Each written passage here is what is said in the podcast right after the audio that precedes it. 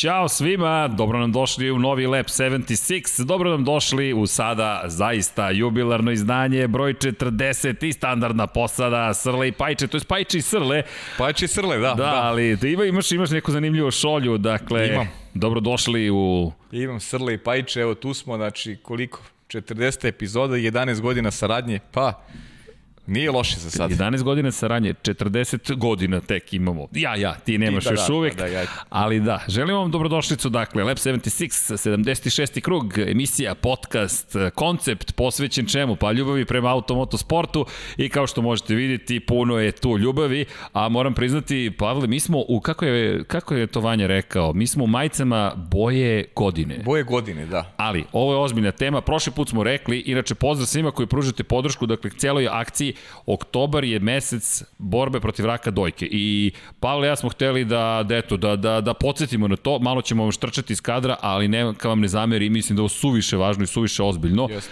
I u skladu s time, dakle, ovo je boja koja značava taj mesec, ovo je znak koji to značava, dakle, borbu protiv raka dojke, devojke, molim vas, obavite pregled, dakle, budite revnosne i oprezne prema sebi, momci, podržite svoje dame, koje god, da, koliko, koliko godine da imaju, jedna kontrola može zaista da značiti ozbiljnu razliku čak između života i smrti. Ne volim da govorimo o tako teškim temama, tako to je deo našeg života i okruženja, pa eto, podrška s naše strane. Neki doprinos, tako je. Minimalni. I naš minimalni, bukvalno i volite se, pazite se, čuvajte se, to je svrha cele priče. Jedan je život i treba ga živiti na najbolji mogući Pa da. način na Sa voljenim ljudima. sa voljenim ljudima i kontrolišite se na vreme, tako da je i ovo eto i neki naš doprinos. Budite, budite nam dobri. Tako da je. uživamo u ovim emisijama i da uživamo u životu. i da se dosta družimo i ukoliko ne vodite računa o sebi, povedite zbog eventualno drugih. Dakle, i njima Pa, je stalo bukvalno, do vas. tako je. A ne znam koliko će vam biti stalo do nas, ne znam, jedno smo stali u ove majice, dakle, ja ne znam ko je ovaj L i XL Pa ja sam- proizveo, moram da. ti priznati. Ja sam, ja sam ali- bolje prošao tebe, ja sam se neko, znaš, ovo XL mi malo bolje stoji, ali sam malo uvukao stomak, znaš, jer malo štrčim, ali da Ali to šalu, su te, te godine, šta da To radimo? su te godine, te, te teške 30. Da, te, da, vidjet ćeš u 40. kada stigneš Au, kako ne tako tek Mogu izgleda. da zamislim.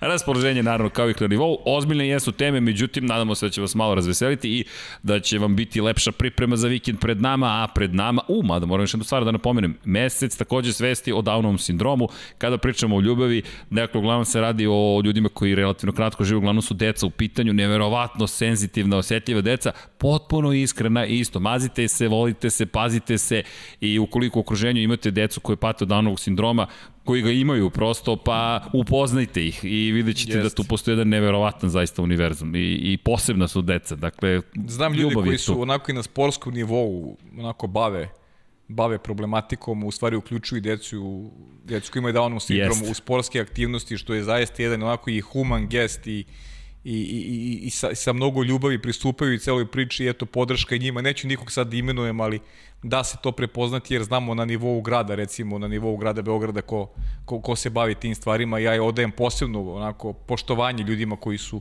koji su spremni da, da deci sa Downovim sindromom pruže tu vrstu, da kažem, zabave i neke, da kažem, integracije u, u, u društvu, u ono što je nešto što je, da kažem, no, normalna sfera, normalna sfera životna kada pričamo o tim sportskim aktivnostima i zaista koristim priliku da ih specijalno pozdravim ovom prilikom. Da, i poziv istovremeno svima nama, dakle, da, da, da budemo inkluzivniji, što kažu, ta reč koja je tako postala nekako rogobotna, ali zaista kada upoznate tu decu, fenomenalna su. Jeste. A mi smo večita deca za ovim stolom.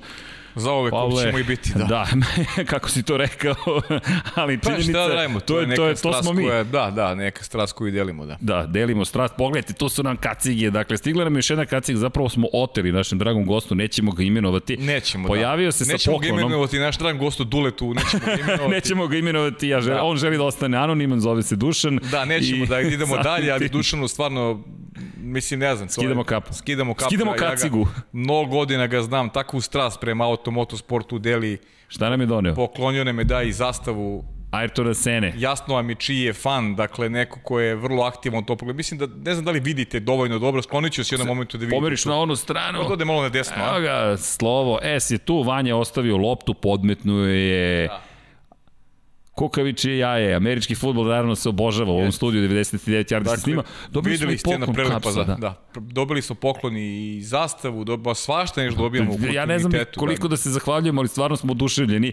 I, a ovo smo oteli. Dakle, kada smo videli nalepnicu, pa da. još znak, pa ne vela, izvini, možeš ti nekim drugim putem kući, rekao, ne brini ti imam rezervnu kacigu, vratit ćemo mu i ova ne ostaje u studiju. E da, ove dve kacige ćemo deliti na kraju godine i potrudit ćemo se da napravimo ceo kviz znanja. Da, dakle, Dule da to u kacigu samo... ostavljamo, ne možemo da poklenjamo, to je njegova kaciga, čisto da vidite kako Ili ćemo sebi da je dekorisao, da, a ove dve, ove dve ćemo da poklonimo, da. Tako je, tako je. A mada, ćemo da mada ima, nove. E, imaćemo neke poklone u Duletovoj reprodukciji, dakle, do kraja godine. Sada neću ništa da obećam da pričamo, ali imamo neke dogovore, tako da Dule je neko ko je vrlo aktivan kada pričamo o o, da kažem, nečemu što je, da kažem, nasledđa Ayrtona Sena. Ja mogu tako da nazovem, jer bio je veliki fan poput mene, pa eto, delimo tu neku strast i ljubav, pa ćemo, a, neke stvari ćemo u jednom momentu pokloniti sa znakom Ayrtona Sene. Verujem da će pogotovo biti zainteresovani koji su delili tu istu strast koju konkretno smo imali Dulea kada je u pitanju legendarni Brazilac. Da, i deo te istorije o kojoj se toliko priča, deo istorije koje nas čeka i ovoga vikenda, da se osvrnemo na Formulu 1, pred nama je važna trka, dakle, Tako Pavle, je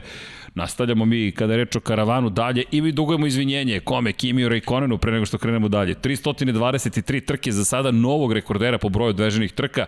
Evo, javno izvinjenje u ime obojice. Pa zašto smo mi jedna, jedna dobro, skladna jedna automoto zajednica što nam sugerišete kad pogrešimo i mi to prihvatamo. Naravno, jesmo zaboravili. U jednom momentu sam rekao da ćemo pričati, ali ne zamerite što nas nekad onako emocije nas odvede na, na neku drugu stranu, mi bi da pričamo o milion tema, ovo bi moglo da traje 6 sati bukvalno, tako da nekad, nekad se zaboravimo, jednostavno i Kimi Rekonin zaslužuje jedno posebno poglavlje, jer da se vratimo, ćemo opet da se vratimo na tu 2020, na tu 2001. Muđelo, testiranje, Tako je. pogled iz, iz prizme Mihajla Šumahera koji kaže to je taj momak, on ima talenat, Zauberg uzima pod svoje okrilje i idemo u jednu, jednu onako istoriju, deo istorije Formule 1 koji će, onak jedno od najlepših stranica istorije Formule 1 je Sao Kimi Rekoni. Jesto su jednu titulu, ali taj šarm koji Kimi ima, ta strast, ta neka neobičnost njegove pojave, uh, iskrena komunikacija, sve je to ono što što su ljudi zavoleli i E,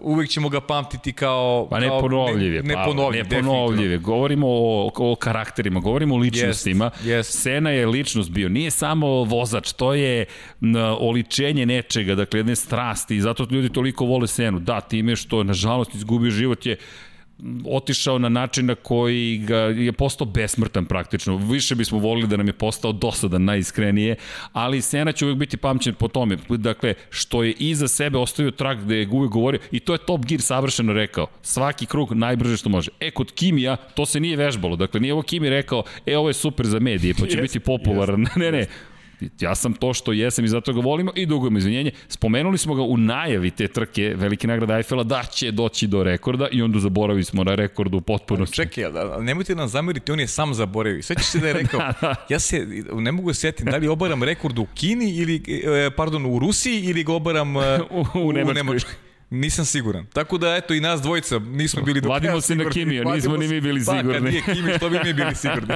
Savršeno, ali da, Kimi 320 trke i rekao si već, to je taj početak neke istorije. Imao je 23 trke u jednosedima, kada je trebalo da dobije super licencu, da dođe u Formulu 1, mnogo ljudi bilo skeptično, veliki Schumacher kaže, ne, ne, ovog momka treba podržati i eto, 300 trka kasnije, to je 323 ukupno, čovjek ima toliko toga iza sebe i poslednji Ferrari šampion, nemojmo zaboraviti i nadamo se da nam ostaju u Formula 1 u 2021. godini. Pa da, još ne znamo, nema zvanične porcije Alfe, ali znamo da Frederik Vaser želi, to je priča, ali i sami rekao Kimi da nije potpisao novi ugovor, tako da nemamo ništa da kažemo novo po tom pitanju. Kimi je Kimi i vrlo je iskren da. i vrlo je jednostavan. Da li si produžio? Ne, nisam. Tačka. Jeste. I ne znamo sada šta to tačno znači. Mika Šumahera, sina Mihaela Šumahera, očekujemo u tim bojama.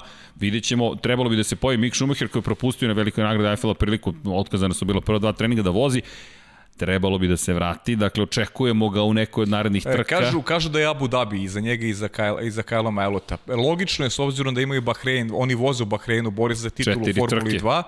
Tako je, četiri trke i čekaju Formuli 2, tako da je Abu Dhabi negde optimalno, da ih na kraju godine da vidimo uvertiru ono što ćemo gledati 2021. godine, a kažu mnogi i informacije koje mi imamo da ćemo Jajlota i Mika Schumacher gledati sledeće godine u Formuli 1.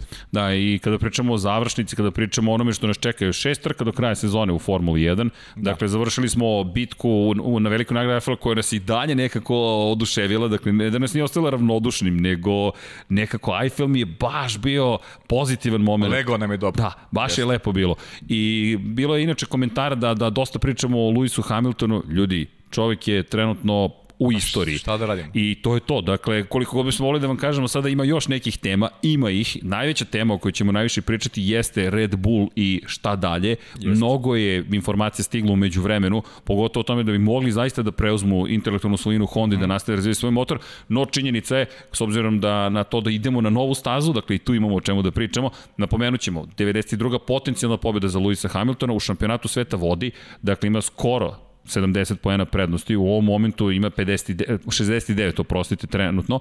Rekao, još uvijek nije sve završeno, šest trka do kraja. Portugalija, pa dolazimo do Emilije Romanje, to jest Imole, u jedva čekam, pa Istanbul, velika nagrada Turske, pa Šakir, pa onda velika nagrada Bahrina, zapravo Bahrina, pa Šakira, pa Abu Dhabi.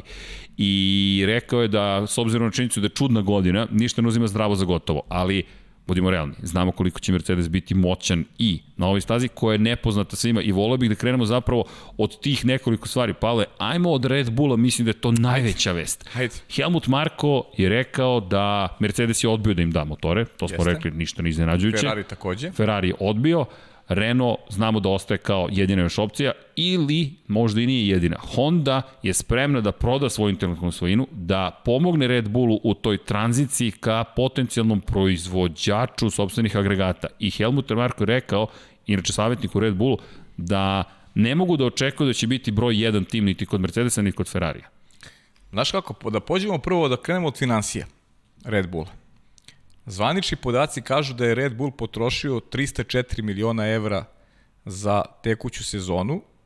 E, to je skoro više od propisanih 145 miliona za narednu. E, inkasirali su, zaradili su 600.000 samo po e, tim knjigovodstvenim knjigama. Dakle, Red Bull je u jednom, da kažem, jednom, jednoj tranziciji ozbiljnoj trenutno i moraju da, da vode računaju o svakom evru što je potpuno logično. Ostaju bez Honda, dakle zvanično su ostali bez Honda, nemaju mogućnost da, da, da rade sa, sa Mercedesom i sa Ferrarijem, neće ni imati. Šta im ostaje kao opcija? Ostaje kao opcija Renault. Meni je interesantna priča, Daniel Ricardo je rekao da, da on vidi e, da je saradnja između Red Bulla i Renaulta moguće u budućnosti, da mogu da se zaborave te stvari koje su bile ranije, da se, da se lako ljudi oko interesa ponovo nađu i da, i da mogu da sklope saradnju, ali meni se ova priča jako dopada.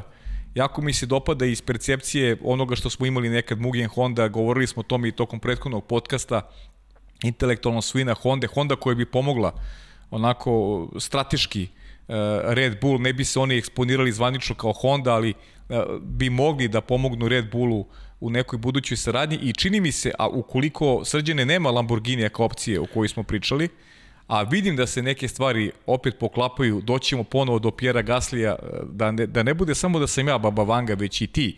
Takođe, sećaš se da si pričao o Pjeru Gasliju koji bi mogao da dođe u Renault umesto, umesto uh, Okona. Okona Sada se sve više govori o tome da je Pierre Gasly opcija, opcija za Okona.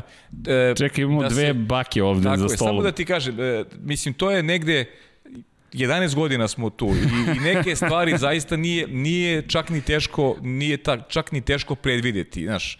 Vidite, ja dosta pričamo i družimo se tako i komuniciramo, je, dopisujemo se. Meni je fenomenalno, ja radim NFL, ti radiš NASCAR, ti mi šalješ informacije šta se Iska, događa u NASCARu iz kabine. Jest, iz kabine na, na dva kraja smo, na dva kraja, smo kraja smo sport, sport kluba, kluba i ali tek teče sve. Teče sve saradnje, dakle znaš u svakom momentu šta se dešava na NASCARu i to je ono što što, što je, znaš, kad, kad su dvoje ljudi uvezani toliko dugo godina zajedno i onda je, znaš, informacije cure, pritom imamo, da kažem, spoljne saradnike, ljude koji, koji nam pomažu dosta, koji su prijatelji, uz nas prijatelji. obožavaoce, tako je. ljudi koji vole ovaj sport. Pa evo ljudi, to u krajnjem slučaju, čekaj, to, su, to su te šolje, čekaj. to su te emocije. Ja ne, Vanja, mogu da uzmem, Pavle, Možeš, izvini, naravno, daj mi molim te, ovo, ovo je nešto najlepše što sam ja ikad video. Dakle, nećete yes. baš videti uh, još Vanja da, da, da ima još do dve, tri ruke pa da postane i čovjek koji može da, u, u, da zoomira, ali Vanja je usto i shvatio to ozbiljno. Ok, ljudi, sad testiramo naše sposobnosti da režiramo u trenutku.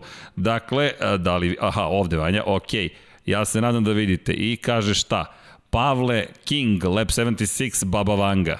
Da, mislim, ne, nevjerovatno. Evo ga, izoštrije Vanja. Dakle, ovo je sve uživo, ljudi, nema šale. Imamo tri Lab 76, dakle, sad, sad smo overbranded, što kažu, ali stvarno svaka ti čast na predviđanjima. Pa ne, da, pa, I, pa i tebi. Evo, evo, Pozdrav za Marka pa, Mikulića. To ono što sam ti rekao i tebi, znači ti si rekao to pre mesec dana i kusur da, da je Pierre Gasly kandidat, da njega vidiš kao kandidata za Renault. I evo o tome sada pričaju svi, znači, i to je nešto je realna opcija, znači nije... Evo ga, fist bump, ne, ali, da, ali da zaista, se osvežite. Mislim, ajde da se, kao i sad ispada da se hvalimo nešto, ali prosto i ljudi i vi ste u tome, ste pratiti. Mo, neke stvari mogu da se zaključe na osnovu pa da. onoga što je realno, na osnovu onoga što imate kao informacije. Mislim, to je negde realno i, i zato sada pričamo o, o, o Red Bullu kao nekome ko bi, ta saradnja sa Hondom možda se produži. Re, i, I potpuno deluje kao realna, ima smisla. jer ima smisla, jer kako, kako raditi, ne možeš, ne možeš uz Mercedes, ne možeš uz Ferrari, teško da će novi proizvođači od, do 2026. zakoračiti u Formulu 1, gotovo nemoguće. Gotovo nemoguće. E, Helmut Marko nešto zna, rekao je da će do kraja novembra saopštiti odluku gde je budućnost. Izviri, rekao je da znaju tri vozača od četiri u Alfa Tauriju i u Red Tako Bullu. Je. E sad, nije rekao koje su to tri vozača. Ja mislim da znamo samo jednog 100% Tako i da će to biti Max Verstappen. Max Verstappen, jeste. Gasly, evo, otvorena su neka druga vrata. Šta to znači jeste. za Alfa Tauri? Mnogo vas pita za Yukija Tsunodu. Šta će biti sa Tsunodom? Ne znamo. Ne znamo. Evo, najiskrenije ne znamo. Ne znamo, ne možemo da predvidimo. Onaj koji je stajao iza njega, Honda, više nije u igri, ne na taj način, ali možda je Honda spremna da Cunodu ubaci u pregovore oko intelektualne svojine. Tako je. Pa možda ćete Tako manje je. da platite ili dobijete veću podršku, ali mi da dobijemo japanskog takmičara, našeg pulena, u Formuli 1. Yes. Što nas onda dovodi do pitanja, ako je Gasly otišao, dođe Cunoda, to su samo pretpostavke. Ko su ostala dva vozača? Jer, na šta ima smisla? Ukoliko Honda se zaista povlači, što ja nisam mogao da verujem, ukoliko se zaista zaista povlači jer smatraju da se negde degradira ime brenda zbog toga što gube konstantno od Mercedesa ili možda sutra od Ferrarija. Pa možda eto Honda ne želi da se eksponira na taj način, da bude kao Honda u epicentru, kao, kao ime Honda je to koje se protežira. Ali ako se proteži ime Mugen, mi ćemo da vam pomognemo na svaki način, ali vi ćete biti Mugen. Nećete biti Honda da se naš brend ne bi degradirao. Tako je, pričamo o brendovima, robne Tako marke, je. ako posmatramo iz perspektive posla, dakle marketing, dakle imate mnogo naravno perspektiva, ali ako gledamo o tome šta je zaista vredno za, za, za određenu kompaniju, brendovi, to je robne marke su najskuplji, najvredniji. Ako vi, kao što si rekao, degradirate nešto, vi ste u problemu. Ista priča je sa asocijacijama. Ako je Renault taj koji trpi stalno poraze ili je Renault taj koji želi da prode neku drugu vrstu vozila, dođete do toga da će postati Alpina. O tome smo već pričali, samo podsjetnika radi. Dakle, Alpina. Mercedes, Mercedes može da radi šta god hoće, ali Mercedesu verujem da će biti logični potez, mi idemo u električne automobile, ali AMG ostaje kao sportska robna marka. Život a, motora sa unutrašnjim sagrevanjem, malo smo bili možda onako kataklizmični po tom pitanju, pre svega ja. Nije tu, nije kraj. Mi samo predviđamo šta će biti za 10, 15, 20 godina. Bukvalno. Mi ćemo tada imati 50 i 52 godine. Otprilike. Tako, otprilike. Ali činjenica je da bilo bi lepo, ali bit ćemo bliže na, na, ka krugovima koje nosimo. U svakom slučaju, o čemu, šta hoću da kažem? Bićemo bliži umirenju nego i životu. Realno, da, ali, realno, da ali ćemo se zabavljati i dalje. Bićemo i dalje dobro došli u da. Lep 76. u Lep 76. u Lep, koji beše Vanja Lep ovo? ali nema veze. Ali naša sreća je što imamo Vanju, znači Tako. imamo tu isto privilegiju, da, imamo, imamo neko ko možda nas podsjeća. Znaš, e, je vidi kako krenula Vanja će nas u teretanu i ti ja, ja držim levu ruku ovde da se ne vidi kadar, ali i, i Abdo ja kao ali naš, tanka priča. Nešto nam se smeje, ali nema veze. O, možda nam se smeje. Sad, e, vidjet ćemo ga za, dva, za tih 20. Elem, šta hoću da kažem? Motori su unutrašnjo se vreme imaju još dosta života. Dakle, zašto? Prvo, dok se razvije infrastruktura, dok se nađe način da se reše baterije, dok se nađe način... Krenite sada na put električnim automobilom. Ne možete da sipate gorivo i kao moj prijatelj Marko da se takmičite da li može do Berlina od Beograda u jednim rezervoarom. Ne može, ali to ćete saznati kada pređete granicu Nemačke u jedan ujutro 1. januara i jurite neku pumpu u srećom rade. Nije baš bilo jedan, da. ali šta hoću da kažem? Nemojte stanjati u Nemačku negde pored puta jer kazne su žestoke.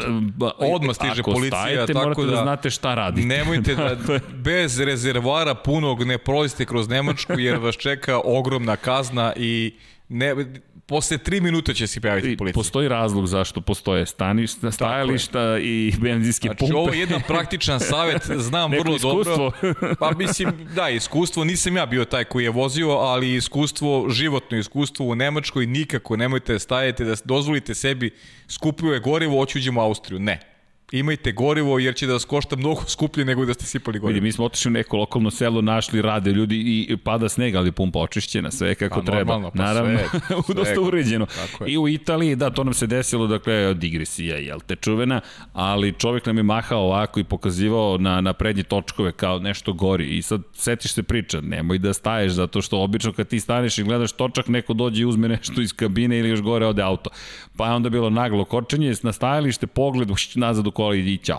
Ali da se vratimo mi na brzinu u Formuli 1, dakle, mozak mora stalno da radi, nego, htio reći, kada rečemo o motorima tišli, imaju oni još puno života pred sobom. Prosto samo mi vidimo već sada kako, svi vidimo kako se svet menja, ali do tog vremena će dosta proći. Tako da ima logike i dalje investirati u motore koji su ili hibridni ili motori su unutrašnje u potpunosti benzinski. Hibridni pre svega, hibridi polako preuzimaju, dakle, tu, tu primarnu ulogu, to je neki taj prelaz ka električnom svetu, ali I ti automobili mogu biti sportski automobili. Zašto to napomenjem? Pa zato što postoji publika, poput nas dvojice, poput vas, koja želi tu vrstu automobila još uvek, dakle, koja za time pati. To su emocije. Mi ovde pričamo o emocijama, ne o racionalnom pristupu. Naravno. Pričamo o iracionalnom. Želim da čujem želim da možda još uvek imam ručni menjač ili poluautomatski, pa da ja biram kada ću da menjam brzine. Nije pitanje da li je praktično, nepraktično je, ali kakve veze ima, zabavno je.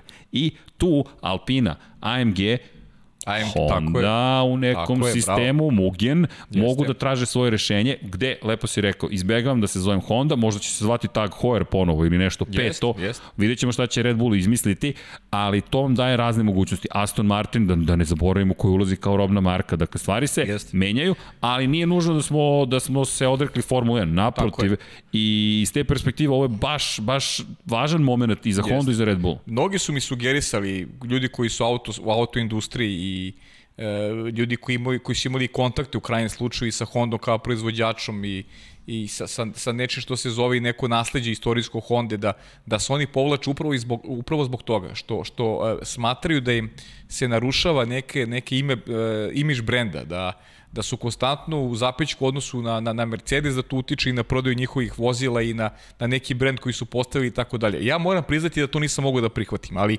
ali kao neko ko, kako bih rekao, ko smatra sebe da sam razuman i da mogu da sagledam stvari iz više uglova, da, ne mislim na sebe da sam najpametniji, nego, nego volim da saslušam. I, I sve više kapiram da su ti ljudi i u pravu možda što, što su mi to sugerisali. Razumeš? Da, da je upravo to zaista bio a, motiv da se Honda povuče.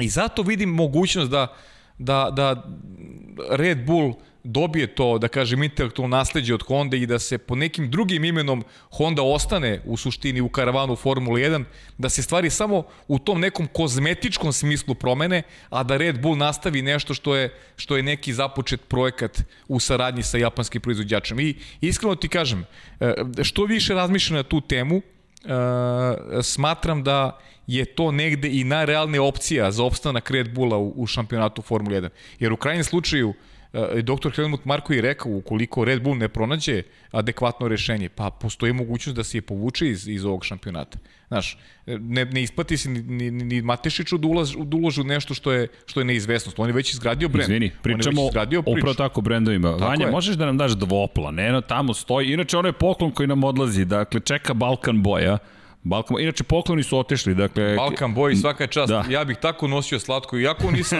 mislim, nisam navijaš prosto, ali mi se mnogo dopada ovaj, ovaj prsluk. Da, mnogo pr prsluk je fenomenalan. Dakle, Red Bull, Nisam vidio skoro bolji prsluk, prsluk, morati priznati. Ovo je, hajde sad pričamo o robnim markama, ne reklamiramo nikoga, ali oni sarađuju sa Pepe Jeansom. Dakle, to je jedna vrlo ozbiljna kompanija i ta saradnja... Evo su, Alfa... evo su farmerke na meni. A, Pavle, Vanja, daj da zoomiramo. ali da, činjenica je da je to, je to sve deo pogledajte koliko tu robnih marki, če, da. čega sve ima, kako se mešaju stvari. I kada pričamo o Red Bullu, pa lepo si rekao, Dieter Mašić je jedan od vlasnika Red Bulla, jedan od najvećih vlasnika, ne želi da gleda svoj tim koji je stvorio od nule praktično, od jedne ekipe koji su se smejali, a to je kompanija koja proizvodi zapravo osvežavajuće napiće, energetska pića, da. tako je, dakle, koja je proširila svoj portfolio kada pričamo i o osvežavajućim, imate svašta, inače grupacija Rauh je dosta velika, ali da ne idemo sad još tamo. Red Bull, se ne reklamira, ne kupuje oglasni prostor kada govorimo o klasičnim reklamama na televiziji, zašto? A šta će im? Imaš yes. dva bolida, ranije si imao četiri koja su prebrendirana Red Bullom, na kacigama je Red Bull i ti sada, ako si došao do stadima, si osvojio četiri titule za redom, kao što jesi sa Sebastian Vettelom ekipom, treba da prihvatiš da se boriš za šta? Za 7, 8, 9, 10 mesto. Nije realno. Agonija. Za razliku od Ferrarija, koji nikad nije napuštao Formulu 1, bilo je tu par izleta pretnji 70-ih godina, 60-ih, međutim suštinski, Ferrari je vezan za Formulu 1.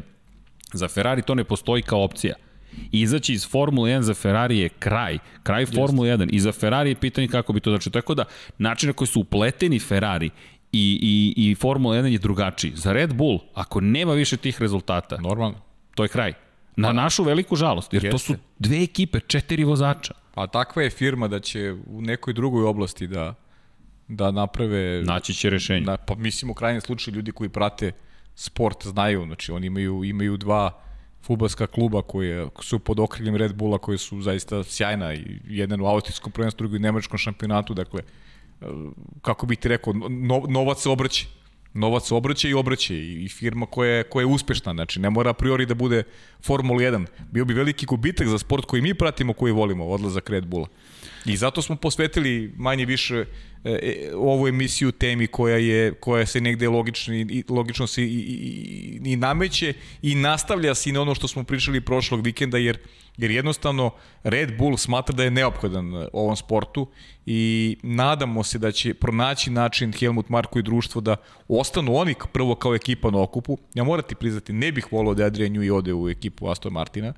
Ne bih voleo Ne zato što imam nešto protiv to, Aston Martina. Da, to me baš zanima. Ne, ne, nemam ništa protiv Aston Martina i znam da će tu, tu, tu ima dosta novca i, i, i znam da će ta ekipa da napreduje. Ali volao bih da Red Bull sačuva neku, neku kako bih ti rekao, neki, neki svoj, neki svoj identitet, da sačuva ljude koje ima, e, jer e, Aston Martin će biti dobra ekipa u šampionatu, ali ajmo da imamo još jednu dobru ekipu u šampionatu. I ajmo da Aston Martin stvori neku novu da, stvori priču. Stvori neku novu Tako priču, je. a Adrian Newey da dobije motiv da da s onim što će, što će biti neko, neko nasledđe, nešto novo u, u, u, u, u toj nekom sistemu Red Bulla, da on od toga napravi nešto dobro. Znaš, zato bih voleo. Pazi, mi imamo, izvini, situaciju koju je Mercedes dominantan ultra dominant. Inače, najnovije, neko je se našao na Twitteru rekao breaking news. Mercedes je prestao razvoj ovogodišnjeg bolida. Da. Zaista? Da, to, to, je, to, to je, pa naravno da će da prestanu, ljudi su na korak od toga da osvoje još jednu titulu šampionata konstruktora, Lewis Hamilton koliko god se pribojavao realno ljudi ove pa godine osvoje sedmu titulu šampiona sveta. Da. Bukvalno je nema, a mi imamo još šest trka do kraja sezone. Dakle, u toj konstelaciji snaga i odnosa Mercedes je dominantan. Ferrari je u krizi, ne znamo šta će biti. Red Bull dođe kao jedini koji suštinski je neku vrstu otpora pružio. Pričat ćemo i o tom, inače Red Bull je promenio prednje krilo, dakle to deluje mm -hmm. kao da je pomoglo u tim problemima sa aerodinamikom yes. i dovelo, tome, da. da. dovelo do toga da je Red Bull sada konkurentni. Opet ista priča, tek u drugoj polovini, trećini sezone postaju konkurentni, ali baš zato, zamislite sad ode Adrian Newey, mi sada gubimo i Red Bull. Renault je našao svoju priču, angažovanjem različitih ljudi, Renault je našao svoju priču I ti kada pogledaš Renault, ide tamo gde si najavio da će biti. Ide. Ali ne smemo sada da izgubimo Red Bull, moramo da vratimo Ferrari zapravo. Tako je. To je, to je znači, poenta. Odlazak Adrian Newey, dolazak u Aston Martin, opet taj Aston Martin treba će vremena da se postaje Tako stvari je. kako treba. O, oni već imaju vakum. neki, ali opet imaju neki sistem koji postoji. Znaš, i sad dolazak Adrian Newey možda povuče za sobom opet neke druge, neka druga rešenja koja, koja će možda u, u, u, u tom prvom momentu Možda neće dati e, određene rezultate, ali Red Bull je već jedan uigran tim. Zna se već, Christian Horner, Dr. Helmut Marko, Adrian Newey, to je ekipa koja je već ustaljena. Sa, sa dobrim rešenjem, e, kvalitet, kvalitetnim rešenjem kada je u pitanju agregat, Red Bull nam je tu i, i nema mrdanja. Dakle, e, i, i priprema za 2022. je kvalitetna samim tim, ako Red Bull ostane, ostane to sve to trojstvo, ostane, ostane na okupu, uz Maxa Verstappena koji je nesumnjivo najtalentovaniji vozač današnjice. I sada kada spomenjemo Aston Martin, trenutni Racing Point, inače u bojama smo i Racing Pointa, da, da to, da. to mi je palo na pamet. Yes. Aston Martin je ove godine, zahvaljujući Niku Hulkenbergu, koji nas povezuje sa pričom o Red Bullu, povezuje nas dosta, da. Da, je zapravo napravio taj iskorak koji je doveo Racing Point do toga da je sada toliko brz. Bukvalno su priznali u ekipi, to je priznali, rekli da zapravo povratne informacije Nika Hulkenberga iz Silverstona su direktno uticale na razvoj bolida koji ih je doveo sada tu gde jesu. Kada je seo za bolid za upravljač bolida Serhije Pereza, rekli su da su ih iznenadile njegove povratne informacije. Adam Cooper, jedan od boljih ljudi i poznavalaca i novinara motorsport.com je upravo pisao o tome i razgovarao sa ekipom koja je rekla dao nam je povratne informacije, rekao kako bi volao da podesi bolid i od tog momenta smo promenili način na koji razvijemo bolid i nisu očekivali da će ga više videti u bolidu. Odjednom Niko dolazi da se podsjetimo, Tako 20. Je. na kraju Niko na poziciji broj 8. 8. Iz kafića direktno i, i, i ono što sada možemo srđene možda sa onako sa većom sigurnošću da tumačimo kada je rekao da je, je svakako bio u Kelnu, da je bio blizu stazi jer imao poslovni sastanak da. na stazi. Poslovni sastanak izgleda vezan za opet ekipu koju smo posetili najviše pažnje na ovom podcastu. Red Bull. Red Bull. E, navodno je Niko Hulkenberg pred potpisom za Red Bull, šta god to značilo, e, samo se čeka verifikacija tog, tog potpisa. E, šta to u prevodu znači za, za konkretno e, Alex Albona? Da li opet to, to što dolazak Nika Hulkenberga u Red Bull znači da ćemo ga možda gledati u Alfa Tauri u naredne godine? I to nije nemoguća opcija, moguće Alfa Tauri, možda Pierre Gasly, možda, Pazi, Pierre vraćamo se na, vraćamo se na Cunodu. I Cunodu, vraćamo se na Cunodu. Možda Cunoda više definitivno nije, nije ni u kakvim planovima ekipe pa, Red Bulla. Deluje pre da će biti bez sedišta Cunoda nego da će ga imati. Tako je. To tako, tako deluje. Je. Ali ajmo da vidimo pro kontra. Alex Albon. Šta je rekao Mark, Helmut Marko za, za Albona? Rekao i nismo zadovoljni njegovim performansama u Rusiji. Jest. Imao je problem sa hladnjakom, kamen je probušio hladnjak na trci na, na, na velikoj nagradi Eiffela opet ni način na koji je vozio nije bio loš, rekao je, ali ono što je dodao Helmut Marko jeste da prosto nije više pitanje angažmana vozača iz Red Bullovog programa. Dovešće vozača koji im najviše odgovara. Sergio Perez se spominje i Niko Hulkenberg, ali mnogo glasnije Niko Hulkenberg. I sada pričamo o Aston Martinu koji nije angažovao Nika Hulkenberga ni za šta, a vidimo kakve povratne informacije dobije. Zamisli Red Bull da dobije takvog vozača koji očigledno zna šta radi, dovoljno je brz, Pitanje je da li će ugroziti nužno Maxa Verstappena. Rekao ne je, Marko, ne postoji vozač po njegovom mišljenju koji može da ugrozi Verstappena. Da. Možda da bude u tri desetinke, a za Albona je to kada ima dobar dan će doći do 3 desetinke za ostatka po krugu odnosu Verstappena. Ali šta ti srđene sve govori? E, šta ti sve govori ta priča i pregovori sa Nikom Hulkenbergom i, i, i Sergio Perez? Znači da, da Helmut Marko i društvo, oni vrlo jasno imaju viziju onoga što će se dešavati u budućnosti. I ne odustaju. Mi, I ne odustaju. Mi čekamo taj novembar mesec. Oni sada znaju sigurno. Mi se sada uh, bavimo špekulacijama. Naš, uh, da. nekim našim insajderskim informacijama, uh, onome što imamo mi kao neka, neka saznanja, iskustvo o kome pričamo. Dakle, Red Bull vrlo zna, vrlo dobro zna gde im je budućnost. Ne bi oni pregovarali sa Nikom Hulkebergom da nemaju svest o tome šta će biti u 2021. godini. Samo čekamo verifikaciju onoga što su oni već negde odlučili i, i onoga što, što Red Bull kao ekipa vrlo dobro zna. E, ja iskreno ti kažem, kombinacija Max Verstappen, Niko Hulkeberg meni zvuči fantastično. Meni to deluje kao čvrst, stabilan tim. Kao stabilan tim. E, e, Max Verstappen je, je mlad čovek. Ekstremno talentovan on od Nika Hulkeberga može da nauči.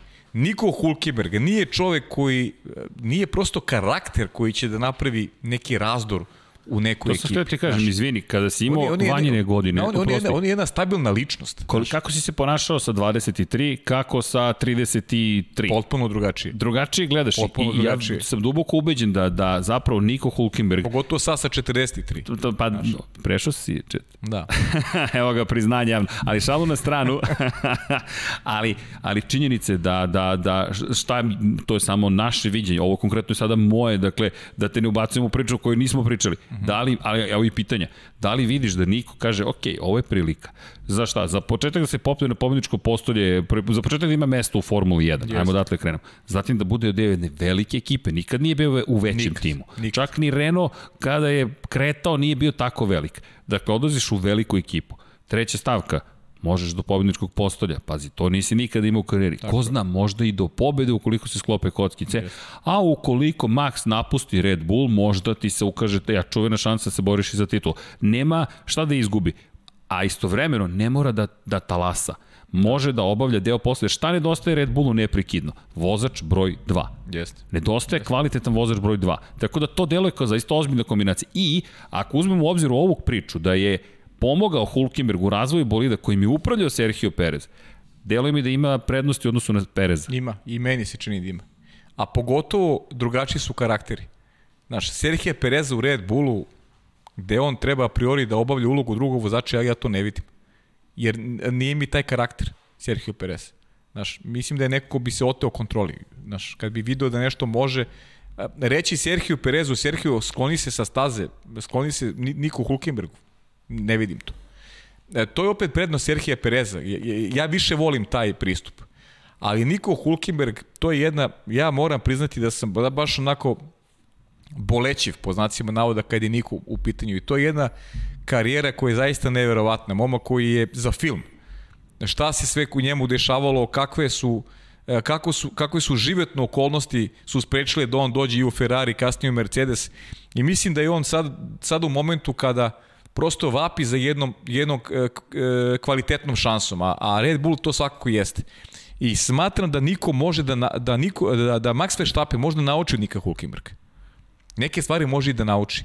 A opet niko je takav karakter da može fantastično da se uklopi u taj projekat, u taj projekat Red Bulla i da dr. Helmut Marko vrlo dobro uh, znaš šta radi. Mislim da ti ja pričam o tome kao da će to a priori dogoditi, ali ja zaista verujem da je to najbolja opcija za Red Bull. Pa, negde pravimo zapravo, možda možemo reći i spisak stvari pro kontra. Zašto verujemo da bi se to desilo? Ja sam bio skeptičan, iskreno mislio sam da je to Isto. jedna priča samo. Isto. I Isto. da je novinarska patka privlači pažnju, čuvene te klikove, to morate pitam, video sam, ne znam tačno koje novine u Americi, ugovore menjaju novinarima tako da će biti otpušten onaj koji ima najmanje klikova na web sajtu na svoju Užas, priču. ma ne, ne znaš šta ti kažeš. Katastrofa za novinarstvo, a ne ja ne mogu, ne mogu da kapiram to, to, to, znaš, to je... Šta sad treba da stavimo naslov, nećete verovati šta se desilo ne znam gde. Pa nažalost, srđene svedoci smo, ti ja smo dugo u novinarstvu i sad, znaš, ne bih da ispada kao da prozivaš kolegi, ali a priori ne radim to, ali prosto neke stvari mi se gade, mora da priznam, znaš, to je... To nisu pitanje da ko je tu kolega kome. To je, znaš, to je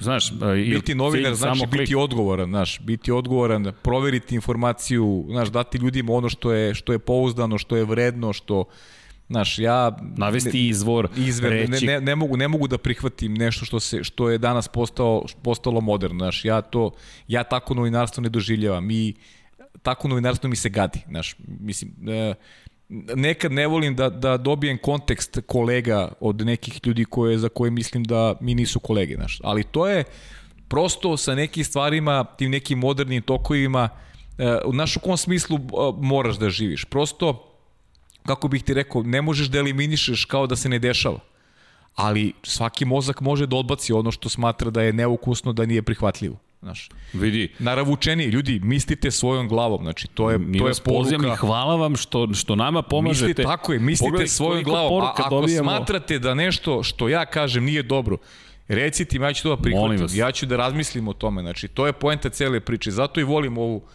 automoto zajednicu, uživam u tome što sam deo ove priče, jer, jer, jer isto prihvatam i kritiku i, i pohvalu. Eh, kritiku sa malo manje entuzijazma naravno, ali, ali eh, radim na tome da, da, da, da prosto razmislimo onome e, što mi sugerišete kao, kao neku moju manu, kao nešto što nije možda najbolji, na najbolji način izrečeno. Pa da li, zajedno, zajedno smo pametniji, bolji, kvalitetniji Bolji smo, i pa kritičko razmišljanje. bolji. Ja volim kada, i, kada, i kada ne delimo mišljenje, bitna je argumentacija, bitno je da se vodi Bitno dijalog, bitno je da možemo da sedimo za istim stolom i da se ne slažemo, da to ne znači da su Da se mrzimo. emocije. Tako je. Tako je. Ne, to je samo ja, različit ovog, pogled. ja, ja ovog čoveka ovde najviše poštujem i, i, i rekao sam milion puta, znači, ja, ja smatram da, da, da, da, da bi Veljko Petrović bio ponosan jer ovaj čovek je najbolji, najbolji novinar kad je automoto sport u pitanju, ja delim sto sa njim i meni je to najveća moguća privilegija. Znači, ne postoji bolji od njega. I, i, i meni pomaže da budem ja bolji. Znači, to je suština cele priče. Znači, da imamo, znaš, da imaš zajedno. neki... Tako A vidi, je, da imaš neku, neku, neku konekciju, neku, neku emociju koju deliš, ali da vrlo dobro znaš ko sedi preko puta tebe. Znaš, to je, to je Vidi, ja znam kad ti ja važna sednemo pa krenemo da posmatramo drugačije stvari, pa kao, čekaj, to si video, nisam to video, ali zato smo Tako i je. ovde i to, to sada javno radimo i ono što je, što, što, što je što, zaista, hajde da kažemo, način na koji ja mislim treba da funkcionišemo. Dakle, da, da, da komuniciramo pre svega. I to je lepota. Ali, izvini, morao sam da se dotaknem toga. Čitam vesti i gledam i kažem, ne mogu da verujem. Dakle, vama sada posao postaje ne da prenesete informaciju, nego da smislite što a, zvučniji naslov, zato sam i mislio da je to novinarska patka. Hulkenberg u Red Bullu. Kako? Zašto? Ali sada, kako ti je teče vreme... E, ali mora da napraviš jednu digresiju sređenja. Znaš, Naravno. znaš šta je poenta? Mi smo ti koji kreiramo neko javno mnjenje. Znaš. Jeste. Imamo neku svoju publiku. E, mi a priori ne moramo da uđemo u, u, u film koji, koji drugi prave. Znaš. I ja i ne želim da uđem u taj film. Hoću da pravim svoj film. Hoću da u tom mom filmu se pronađu ljudi i da kažu aha, ovo je nešto što je, što je zdravo, ovo je nešto što meni Pazi. pomaže da kreiram neku, neku, neku svoju sliku u glavi. Razumeš? Postoji i drugi svet. To je ono što Tako je je. pojenta. Ne želim da prihvatim nešto se zove trend. Pa jo. Znaš, gadi mi se, od- znaš, Znam što da ti trend. nisi u, u ovom filmu, Da, ali da, da. Spider-Man, šta čuvena rečenica Spider-mana, imamo i Spider-mana za stolom. Sa velikom moći dolazi velika odgovornost. I to nije šala, to od Platona još možete da, da daj čoveku moć, vidjet ćeš kakav je. Bukvalno. U čemu je poenta? Svako od nas ko se pojavi u javnom radu ima odgovornost veću ili manju u kontekstu eventualno količine ili broja ljudi do kojih će doći, ali to nisu samo brojke, to su ljudi, na nekog to utiče. Zašto reagujemo kada neko ne povuče potez šampionski ili kada se pojavi, ponaša na određen način? Zato što je to primer nekom drugom, trećem, četvrtom, petom. Tako sigurno. se stvara kultura određena i to jeste mnogo važno. Zato jesam bio šokiran, zato sam ti pitao. Volim tvoje razmišljanje, dakle volim i ono što govorimo. I poenta jeste upravo u tome. Dakle, ne možemo da se svedemo na svet u kojem, ajde klikni na ovo, pri čemu to mi je i psiho, to, to je klasično programiranje, klasična psihologija. Da dam ti naslov gde ti nisam dao odgovor šta treba, onda te teram da klikaš da bi ti pročitao. Katastrofa. Ma, užas, pa dakle, da. naslov treba da mi kaže o kojoj temi se tu radi. Jeste, Tačka. jeste. A naša I tema je naša tema je... Formula, Formula 1, 1. ma ljubav prema automotu, pričat ćemo i o Naskaru, ali Hoćemo, naravno. da, to jedva čekam, no, kakva je bila trka, dakle, i, i super mi bilo, pratim izveštaj i ti sa Božim Čatarevićem, našim prijateljem Jeste. i kolegom se dopisuješ E, u Viber ćemo, grupi. Božja ćemo, da, malo sam ja bio isključen nešto iz Vibera, nešto mi, telefon mi ni- nije bio u najboljem stanju, ali Boži se odmah oglasio i, i bio mi od velike pomoći u nedelju, tako da ćemo, imamo neku ideju i ti ja, uključit ćemo ga, ali Kadrovi, za- zamolit ćemo ga nešto da, se, Da. da. da, bude prisutan, jer stvarno je Imamo neke snimke koje ne znam, Ne znamo da li imamo znam da da emitujemo. pravo da ih emitujemo, a direktno su sa Božijeve kacige, Boži je stvarno IMSA šampionat, dakle ljudi, jedan Da. od najozbiljnijih sportskih, šampionata sportskih automobila i Jest. po, zapratite ga Boži Tatarević, dakle potražite ga na Google, možemo da ubacimo i, link i, i, na pazite, Twitteru. Boži je neko ko će da vam da šta god da ga pitate, toliko je kooperativan, toliko je čovek prosto vapi da ima kontakt sa ljudima, da sa ljudima iz, iz, iz, iz, ovih, iz ovog okruženja, iz ovog prostora. milija, s ovih prostora, nije važno da li je, da li je Srbija, da li je Hrvatska, da li je Bosna i Hercegovina, stvarno je čovek fantastičan i mnogo korisnih informacija može se čuju njega i probat ćemo da, ako ništa drugo, da ga uključimo u ovaj naš podcast jednom prilikom, da. Da, dobili smo inače, nisam stigao još da raspravim, pokloni iz Crne Gore nam je stigao. Pozdravi iz Makedonije.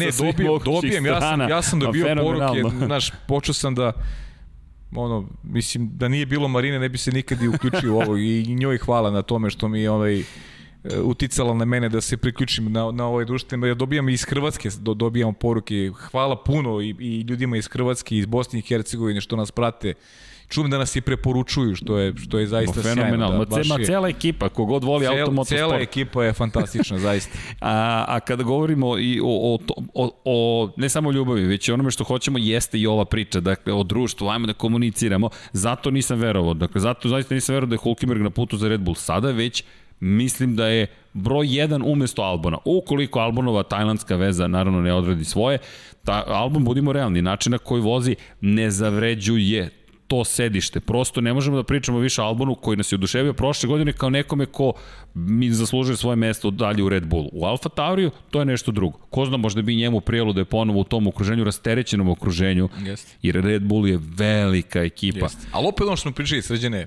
za, za Pjera Gaslija, mora traži svoj put i svoj Tako put je. će vjerojatno i da traži. ja- Renault je njegov Ja put. navijam za to, veruj ne, ne, pa mi, ne, sve si, navijam. sve si lepo, sve si lepo rekao i ja sam i tada rekao, potpisujem, nisam razmišljao u tom smeru, priznajem, ali si sve lepo pročitao, sve si lepo rekao, to je, to je jednostavno, taj, on, dečko mora to da radi. Ja nema mislim nema da druge rešenje. opcije, to je najbolje rešenje za njega. I, I za njega i za Francuze, Renault, to jest Alpina, će onda imati svog čoveka koji je sad okuražen, ima pobedu, preživeo jednu veliku krizu. Ljudi, taj čovek Ničevski, što vas ne ubije, čini vas znači, Bravo, baš u- tako. baš ga je učinilo jakim. I sad zamisli dovodiš ga uz Fernanda Alonsa, da sedi sa Fernandom Alonsom i kakav god bio Alonso, da li će biti težak ili lak za saradnju, možeš da učiš i dalje. Možeš da posmatraš jednog velikog šampiona pokraj sebe, a posle Alonsa, jer Alonso biće tu dve godine, da li će biti tri? Da, srđane, pa to je, to je suština. Znaš, A ti, a ti učenjem od Alonsa praviš sebi nešto što se zove budućnost, ti treba postaneš lider tog projekta, oko nema te sposobnosti da postane Ne. lider, Pierre Gasly ima. Imao je i ima ih Daniel Ricardo, ali on je otišao Da, svojim putem. svojim putem. I Pa- to je to mesto koje uzima čita- potencijalno Gasly. Svi zajedno Cyril Aditobel šta kaže? Da je Ricardo taj koji ih je pokrenuo i on je ključni čovek zašto je Renault krenuo napred.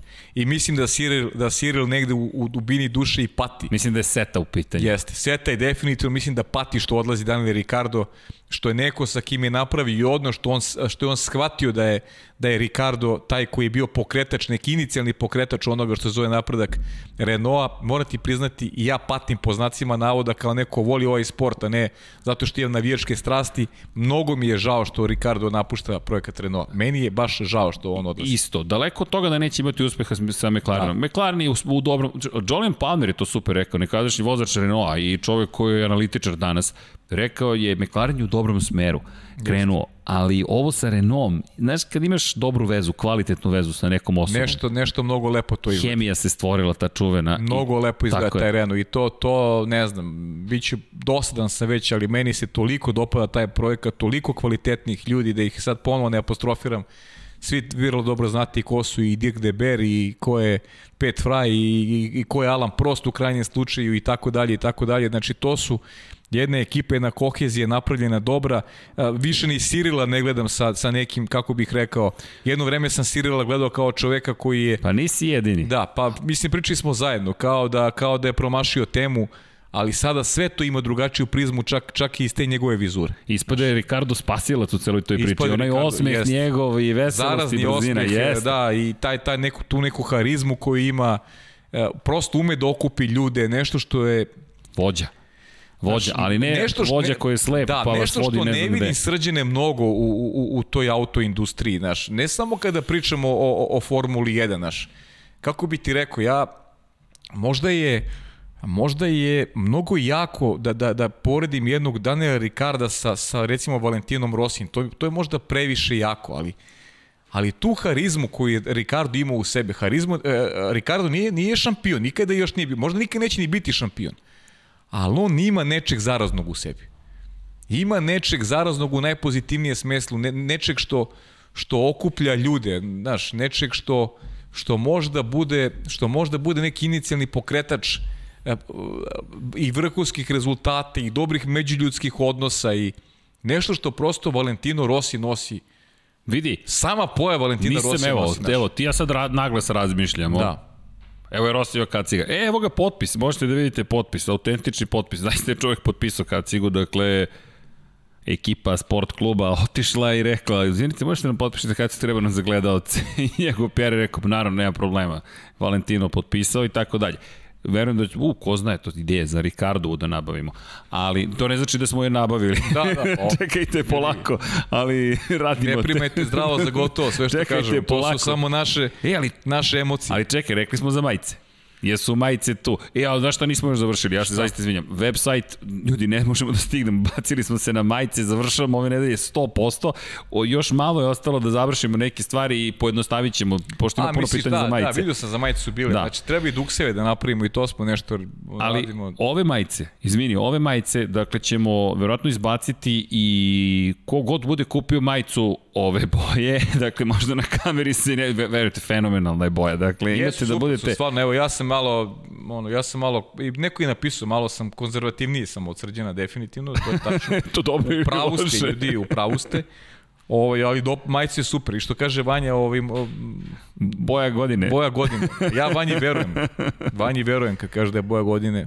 Vidi, ali lepa stvar. Hteo sam da kažem, dakle, sve što prodamo od majice, te ove konkretno će ići upravo za, u, u, u, za borbu protiv raka dojke Tako i je. za osvešćavanje Downovom sindromu. Tako je. Koliko god da je para, nije bitno, ne mora da bude ništa mnogo. Dakle, pojenta je šta god možemo, da, nadam se da će biti, ide u te neke stvari. E, to je svet koji mi želimo da gradimo. Mi, nas je to nešto što pokreće, da ne koristim neke neprimerene izraze, ali nas to zaista uzbuđuje. Jeste. I da znate, ako kupujete neke druge majice, kačkete i to stiže, time podržavate nas, dakle, podržavate nas bukvalno, mi smo sami se investirali u sve ovo i mi ćemo da guramo dokle god budemo mogli. E, e, Nema odustajanja. Srđan je investirao, Srđan investirao to da se zna, ja moram to uvek da kažem, Srđan je neko koji je pokretač svega ovoga, znači sve što vidite podcaste odavde, to je Srđan investirao, pokrenuo, ja sam mu neizmjerno zahvalan na tome, zato što je nešto što pravi neku lepu budućnost i nama, znaš, uh, poenta je da se čovek, mi smo u ovom poslu mnogo dugo, i, i kroz ove ovakve emisije i pričam i pod kapicom i ovo uh, budi ponovo neki neku emociju kada govorimo o novinarstvu, novinarstvu kao nečem što je izvorno, nešto što je naše, nešto smo mi odrastali, jer ovo je zaista način da se negde iskažemo, izrazimo i da pričamo o temama koje volimo, a mislim da to, da to nema cenu. Da, to je, ali ljubav, ali vidi Pavle, nema, nema, nema ničega ako nismo zajedno. Vanja, ti, Don Jesmo, Pablo, to je ali ta ekipa. neke stvari, neke stvari prosto hijerarhijski trebaju da se znaju, znaš, to je to. Pokrenuli smo ga, to je najvažnije. Znam, je kad, najvažnije. znam kad smo pričali prošle godine, ej kao, ajmo da uradimo nešto. Nisam mnogo, bio sam malo skeptičan, morate priznati. Jesi me čudno gledao u jednom trenutku, Jesam, da. ali, ali si me podržao. Jesam, Ali si rekao, ajdemo. jesam. Ba, volim tu ludost koju imaš, tako da poštujem to, da. Hvala. Ludost, mislim, E, najpozitivnijem To je možda ono što Ricardo donosi sa sobom. Da možeš da okreneš neku situaciju gde niko ne vidi nešto, Sirila bi Tobuli možda imao ludost i rekao, ok, Jeste. to je taj čovek koji nama treba Jeste. i doveo ga. I pošto smo krenuli od Gaslija, ja duboko verujem da Gasli može to da nasledi, da je sazreo na taj način. Pa i ti ja smo sazrevali što kroz dobre stvari, tako i kroz loše stvari. Tu Gasli Nažalost. mislim da ima, da, nažalost, zrelost koju drugi nemaju.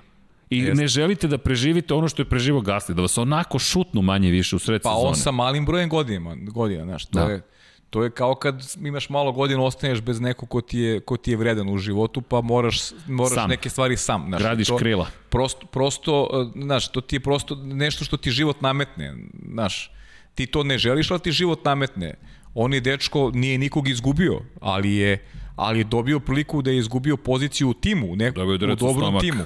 I dobio baš udarac u pleksus. Baš dobio To. udarac i ostao bez vazduha i sad je trebao da se snađe kako tako e, grogiran, kako da nastavi da, da se bori za sebe. Ali se izborio i pokazao da je da je vredan e, svega, da je da da da da ume da padne i da se podigne. Mislim da karakter čoveka se tu negde najbolje oslikava i tako da se izrazim. Ako umeš da se podigneš kada padneš, to mnogi ne umeju, a Pierre Gasly je I tu radio na to je način, inspirativna znaš. lepa priča. Pa u krajnjem slučaju i Ricardo i Renault otišli su, počeli zajedno da sarađuju, to nije bilo kako trebalo. Nekako ti si verovo i to je ono nešto se vidi tu, oni rade, rade, rade. Jeste. I rekao Ricardo, inače kada spomenjam da je u Silverstonu Hulkenberg našao rešenje za Racing Point ili dao put da rešavaju, rekao je Ricardo od Silverstona zapravo napređenja koje smo doneli su nam pomogla da sada bolid bude jednostavniji za podešavanje. Problem kod Renaulta u velikoj meri bio nemogućnost da izvučete maks, lako da izvučete maksimum iz bolida.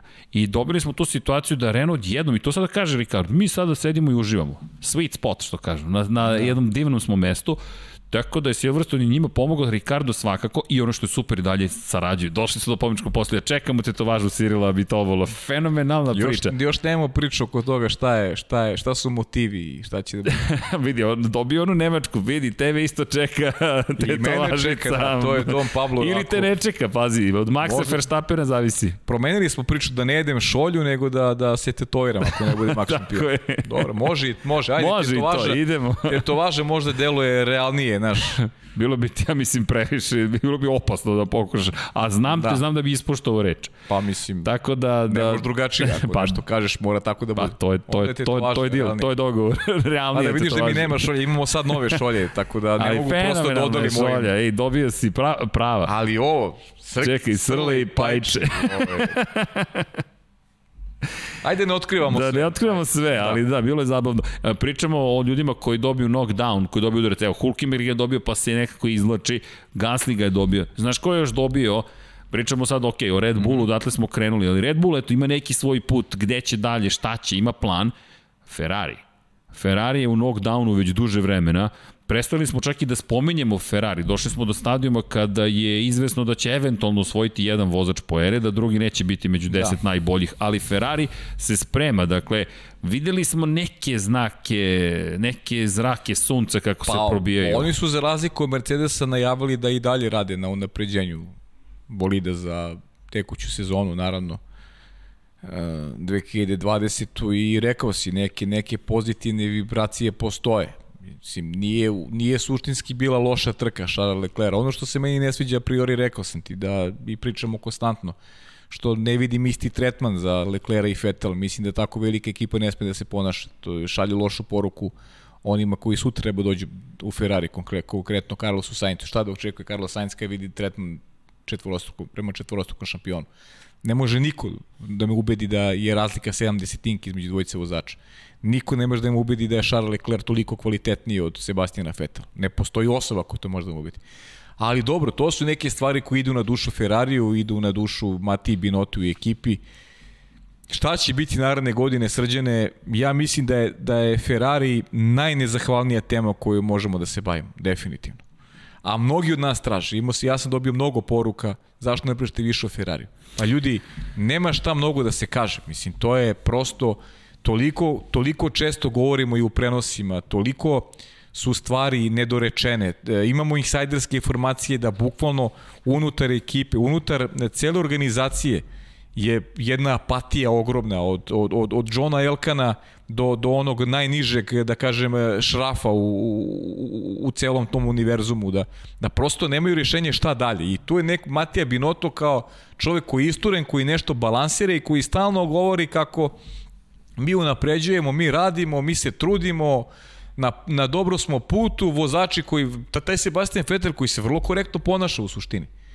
Sebastian Vettel koji, koji stalno negde podržava ekipu i govori sve je okej, okay, ne žali se, želi da, da negde, kako bih rekao, da se rastane sa timom u, najboljim mogućim odnosima. Misli da mu tim ne vraća na pravi način, S druge strane, Charles Leclerc u, pre svega u kvalifikacijama radi neka, neka dobra pa da, brzi, neka dobra jedan rešenja. brzi krug uspeva da izvuče. Jedan brzi krug baš uspeva da izvuče, ali ali je, kako bih rekao, baš je ružno gledati Ferrari kako gubi te duele na stazi. Znaš. Ono što može biti pozitivno, upravo u tome, u tom knockdownu, jeste što Ferrari se priprema za ne samo ovu sezonu, već i ozbiljno za 2021. Da se podsjetimo par stvari. Ove godine je COVID-19 sve promenio. Yes. Porušio u velikoj meri. Kako se Formula 1 prilagodila? Htio da reći Honda. Honda se prilagodila tako što je otišla. Ali je činjenica da je svaki tim u mogućnosti da menja određene delove bolida. Imate grupe koje možete da menjate i imate dva tokena na raspolaganju dva tokena, dva žetona, da se tako izrazimo. Dakle, vi date žeton Međunarodnoj automobilskoj federaciji i kažete ja menjam taj i taj deo. Neki delovi koje menjate koštaju vas jedan žeton. Neki veći delovi vas koštaju ta dva žetona. Kada najavite promenu Međunarodnoj automobilskoj federaciji, vi više ne možete posle toga da kažete odustali smo od razvoja, dajte nam žeton nazad. Ne, žeton je kao kada uđete kao klinci u fliperanu, dakle, yes. ubaci žeton, ne, čiko, čiko, tiltovo je, dete, Ti si taj ko je to tresao kako nije trebalo i gotovo. Da, inače čekamo da nam stigne fliper, ja se nadam da će ima da šljašti ovde. To mi nisi rekao. A, pa jo, svašta spremamo. Ti pretiš da ne, izlazi, da ne izlazimo odavde. Tako je. Ne, kad nabavimo snooker 100, e onda više ne izlazimo nikad odavde. Nemoj snooker, već ima priča. ja ti Još kažem, sam s nekim, pa Sećaš se, Sećam se svega. Petak, da. dakle, snooker, ko zna. Elem, žetoni. Dakle, date žeton FI i kažete ja hoću da menjam taj deo. FIA kaže menji.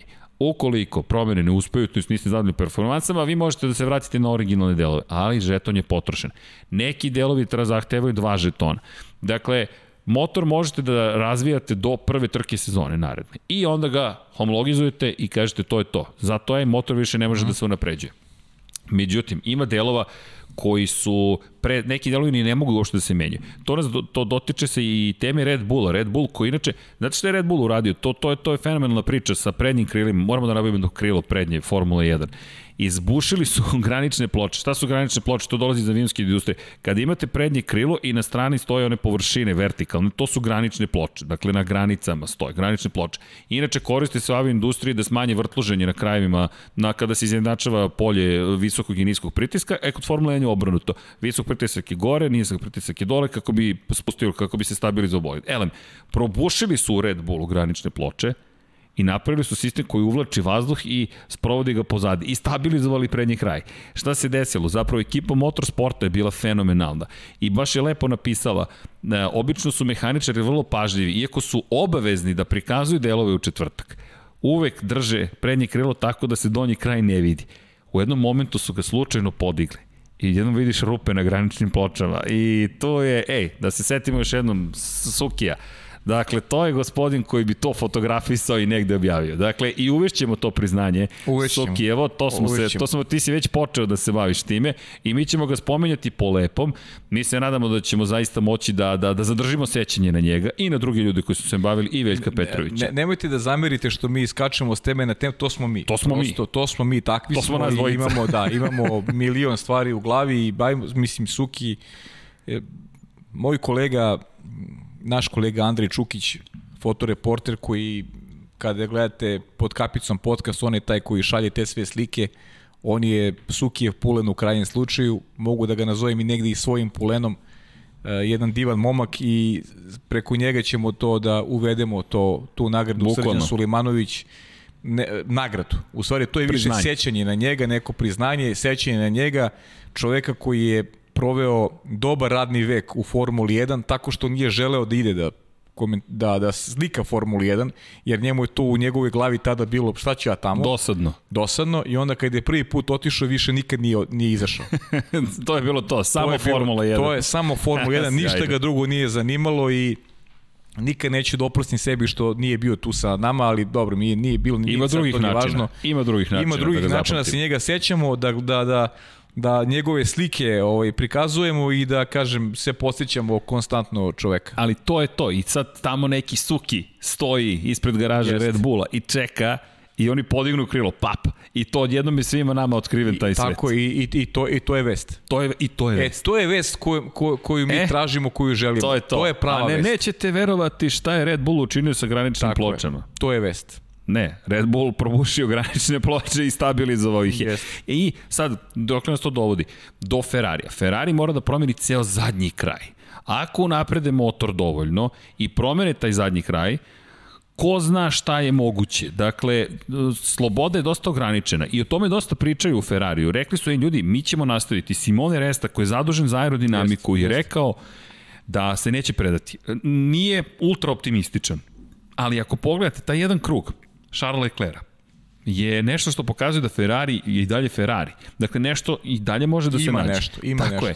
I to je možda, ali evo da se vratimo na Ricarda i Hulkenberga. Ricardo prošle godine sa Renault, mučili su se, mučili, mučili, nisu se predali. To je pojenta cele priče. Znaš kako, bez ozira koliko je Ferrari veliki, nekad je dobro krenuti sa, znaš, resetovati se, znaš, do, dođeš u poziciju, ok, ja sam sada šesta ekipa u šampionatu, šesta, sedma ekipa u šampionatu. Tako je Znači sve što napravim više u 2021. je neki korak napred.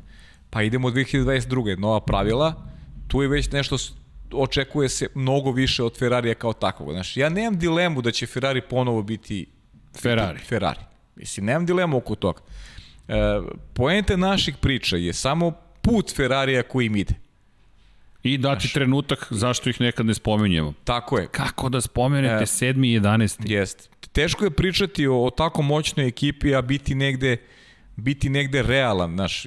Ja sam rekao na početku sezone sad idemo ono Baba Vang. Mislim Baba Vang, ja sam rekao, ja sam rekao će Vettel da se bori za titulu. Znači daleko ja je... Ja sam reći Verstappen da je osvoji. Daleko od toga da je to neko dobro predviđenje. Ja sam iz nekih, kako bih rekao, iz nekih e, emocija, drugih sam to pričao, iz, iz emocija e, poštovanja prema Sebastijanu Fetilu, jer sam, jer sam smatrao da njega može da motiviše e, činjenice da odlazi iz Ferrarija. Ali nisam mogao da nastutim da će Ferrari kao ekipa da negde e, Sebastijana Fetela e, kako bih rekao, diskredituju i da ga stavljaju u drugi plan odnosu na Leclera, jer žele tako da dokažu kako on nije vredan ugovora u Ferrari. Mislim, to su neke stvari gde gde prosto čovjek ne može ni da razmišlja na taj način. Ja mislim da to nije racionalno, racionalno razmišljanje u Ferrari. Da, to, da, da racija nema nigde. Mislim da Matija Binotto pogrešno vodi ekipu. I to je se sad vraćam opet na onu staru priču Stefano Dominikali, koga ja vidim kao posljednjeg pravog šefa Ferrari. Ja ne vidim pravog šefa u Ferrari od Stefana Dominikali. Vidim neke likove koji su više bili, e, kako bi e, rekli, žargonski šminka, više šminka nego što je znanje i, i kvalitet. I vidim neke likove koji su tu prosto pogrešili smernice, znači nisu, ne obavljaju posao koji znaju da rade. Znaš, i to je, to je ozbiljan problem sa kojim se Ferrari suočava. I nisam ni siguran da pod vojstvom Matije Binota Ferrari možda bude ekipa koja će se boriti za šampionsku titulu. Ja to prosto ne vidim. Da li će Ferrari biti bolji, srđane? Pa ne sumnjamo ni ti ni ja da će već 2020... smo sigurni, Pa i da. 2021. će već biti bolje. Pa čak i ove godine, ja počinjem polako da vidim neke naznake gde mi govori, ne, neće se odjednom pojaviti na poziciji broj 3 u šampionatu konstruktora, ali da će se izdvojiti na jasnoj, grozno zvuči, ili šestoj poziciji, možda u nekom posljednjem trutku uz, uz dosta sreće se približi drugima, ali mislim da je šesta pozicija zakucana, ali da neće više biti ugrožene toj poziciji, da Alfa Tauri neće više biti protiv Ferrari pa toliko moći. Ja mislim da je to nemoguće. Bukvalno mi deluje da, da je Ferrari našao neku vrstu svog puta. Dakle, makar tehničko-tehnološki, da, da je to makar uspela ekipa da nađe to je utisak koji, koji trenutno stičemo. Naravno, ovo su sve informacije koje dobijamo što putem javnih, dakle, mjenja, što putem nekih informacija, kao što Pavle kaže, koji je i nama šalju ljudi koji su relativno bliski nekim krugovima. Yes. Međutim, dok se ne izđe stazo, ne zna se, ne zna se prosto šta će ti desiti. Činjenice da mi pokušamo da razumemo i Red Bull, gde će Red Bull, šta će biti s Red Bullom. Za Mercedes, Evo, evo bila je, bila je primetba da, da previše posvećamo pažnje Lewisu Hamiltonu. Ljudi, da li mu posvećamo previše ili premalo, to je sad taj balans. Pa ne, ili, ili ima i toga, pa ne, ima ne i znam. toga. Meni govore, mene zovu ljudi koji su srđeni iz sveta futbola, koji obožavaju Formulu 1. Zašto Lewisu Hamiltonu tako malo? Oni njega doživljavaju kao, kao neč, nešto najveće što postoji. Ali to je taj pogled na svet. Tako je. A Lewis Hamilton zaslužuje zaista čestitke i zašto mu posvećujemo vreme. Čujte, nije bitno za koga navijete ili ne. Bitno. Lewis Hamilton sada piše nove stranice istorije i mi ćemo verovatno prisustvovati tome da će postati najuspešniji svehremera. Da li u Portimao, Imoli ili Istanbulu, Srđine, ti ja smo doživali, to je izvesno. Ti ja smo doživali dve epohe. Da, dve epohe. Da ja, komentarišemo da dve epohe. Da komentarišemo dve epohe. Mi smo komentarisali Mihala Šumahera. Ok, gledali smo, u stvari ti si tada više bio aktivan kroz jedan drugi vid novinarstva dok, yes, dok je Mihajl Šumacher yes. vozio. Nisi bio komentator, ali si pisao, pisao o tome. A ja sam opet pratio u to vreme. Dakle, dve epohe smo živ, doživjeli kao ljudi koji volimo Formulu 1. Dva čoveka koji su u istorijskim knjigama po, po ne znam, najvećim uspesima, najviše po, najveći broj pobjeda u istoriji ovog sporta. Ko zna, možda dočekamo i treću epohu. Ali ona će se neminovno dogoditi. Kada? Ne znamo, ali dogodit će se. Ej, super je bio jedan od tweetova Schumacherov intervju baš. I pitaju ga šta misliš sada postoje se rekorde o tome da li će se sutra pojaviti neko, čak jedan od britanskih kolega rekao možda Lewis Hamilton, koliko god to je nevjerojatno zvučilo u tom trenutku. Schumacher je rekao, pa okej, okay. U ovom trenutku ja sam postigao to što sam postigao, ali rekordi su tu da se obaraju i, i verujem da će boriti. I on je rekao, ja nisam verovao da ću sustići Fanđa sa pet titula, a sada imam sedam. Yes. E sad, neki klinac, neki, da li je to Mick Schumacher koji je rekao već Lewisu Hamiltonu, inače Daniel Ricardo je sjajno prokomentarisao taj, taj dar koji je Mick Schumacher predao prosto kacigu svog oca Lewisu Hamiltonu kao naj, jedan od najboljih poklona svih vremena. I ovo vam, evo, saopštavamo, ali Ovde imamo kacige, zaljubljeni smo u kacige. Jedan od naših ciljeva će biti da dođemo do replike te Šumacherove kacige, dakle, pošto ono označava sve to. I a, eru Šumahera i taj tranzit ka eri Luisa Hamiltona, koja će uskoro već je počela, već traje, Tako da, iz perspektive neke i romantike, dakle, volili nekog ili ne volili, ljudi, to je istorija, to je fenomenalno. Tako da neki klinac možda negde sedi i kaže, ha, Hamilton će sada imati 7, možda 8 naredne godine, ja hoću 10. Koliko god nemoguće zvučalo, koje mogu da pretpostaviti se ovo desiti sa Hamiltonom? Niko. Čak ni ti koji si hvalio njegov prelaz u Mercedes. Ne, nikad. Ma, ni, Nisi najavio ma... 100 pobjeda koje će doći. 70 pobjeda ima u, u Mercedesu. Ko je to mogao da predvidi? Ma, ali, ali, to, ali ajmo da poštujemo to što je učinio. Ne, ne, mora da se poštuje. Znaš kako, ja sam, ja sam ovaj, vrlo sam praktičan po tim stvarima, znaš, i kada pričamo o nekim drugim sportskim disciplinama, a, a šta, šta vrednuješ ako, a, ako ne vrednuješ rezultat? Znaš, kojim se mi kriterijumima baziramo kada proglašavamo najboljeg u ovom ili onom ako to nisu rezultati? Koji su to kriterijumi? Onda možda kažeš, ok... Emocije nisu kriterijum, to nisu, su emocije. Tako je. To znači, je ja kad, su, ja kad su emocije u pitanju, ja ću reći da je uvek ova zastava iza Ayrton Sena, to je moja zastava. To su emocije. Ali a, kriterijum može da, mogu da budu samo osvojene titule i broje pobjede. I tu, tu priča počinje i završava Imaš brojeve. Imaš brojeve. Znači, zašto brojevi postoje? Pa upravo zbog toga.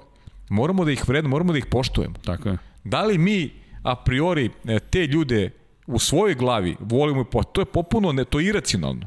Popuno je nebitno da li mi to vrednujemo u svojoj glavi, ali mi moramo to da poštujemo i moramo tome da posvećujemo pažnju. Dakle, ljudi, to, je, to, su, to su i vrlo jednostavne stvari. Vidi, upravo si mi sad izmamio si mi osmeh na lice. E, govorimo, na primjer, o tim uspesima. Evo, podsjetnik, to nešto o čemu pričamo. Ferrari. 238 pobjeda u istoriji ovoga sporta.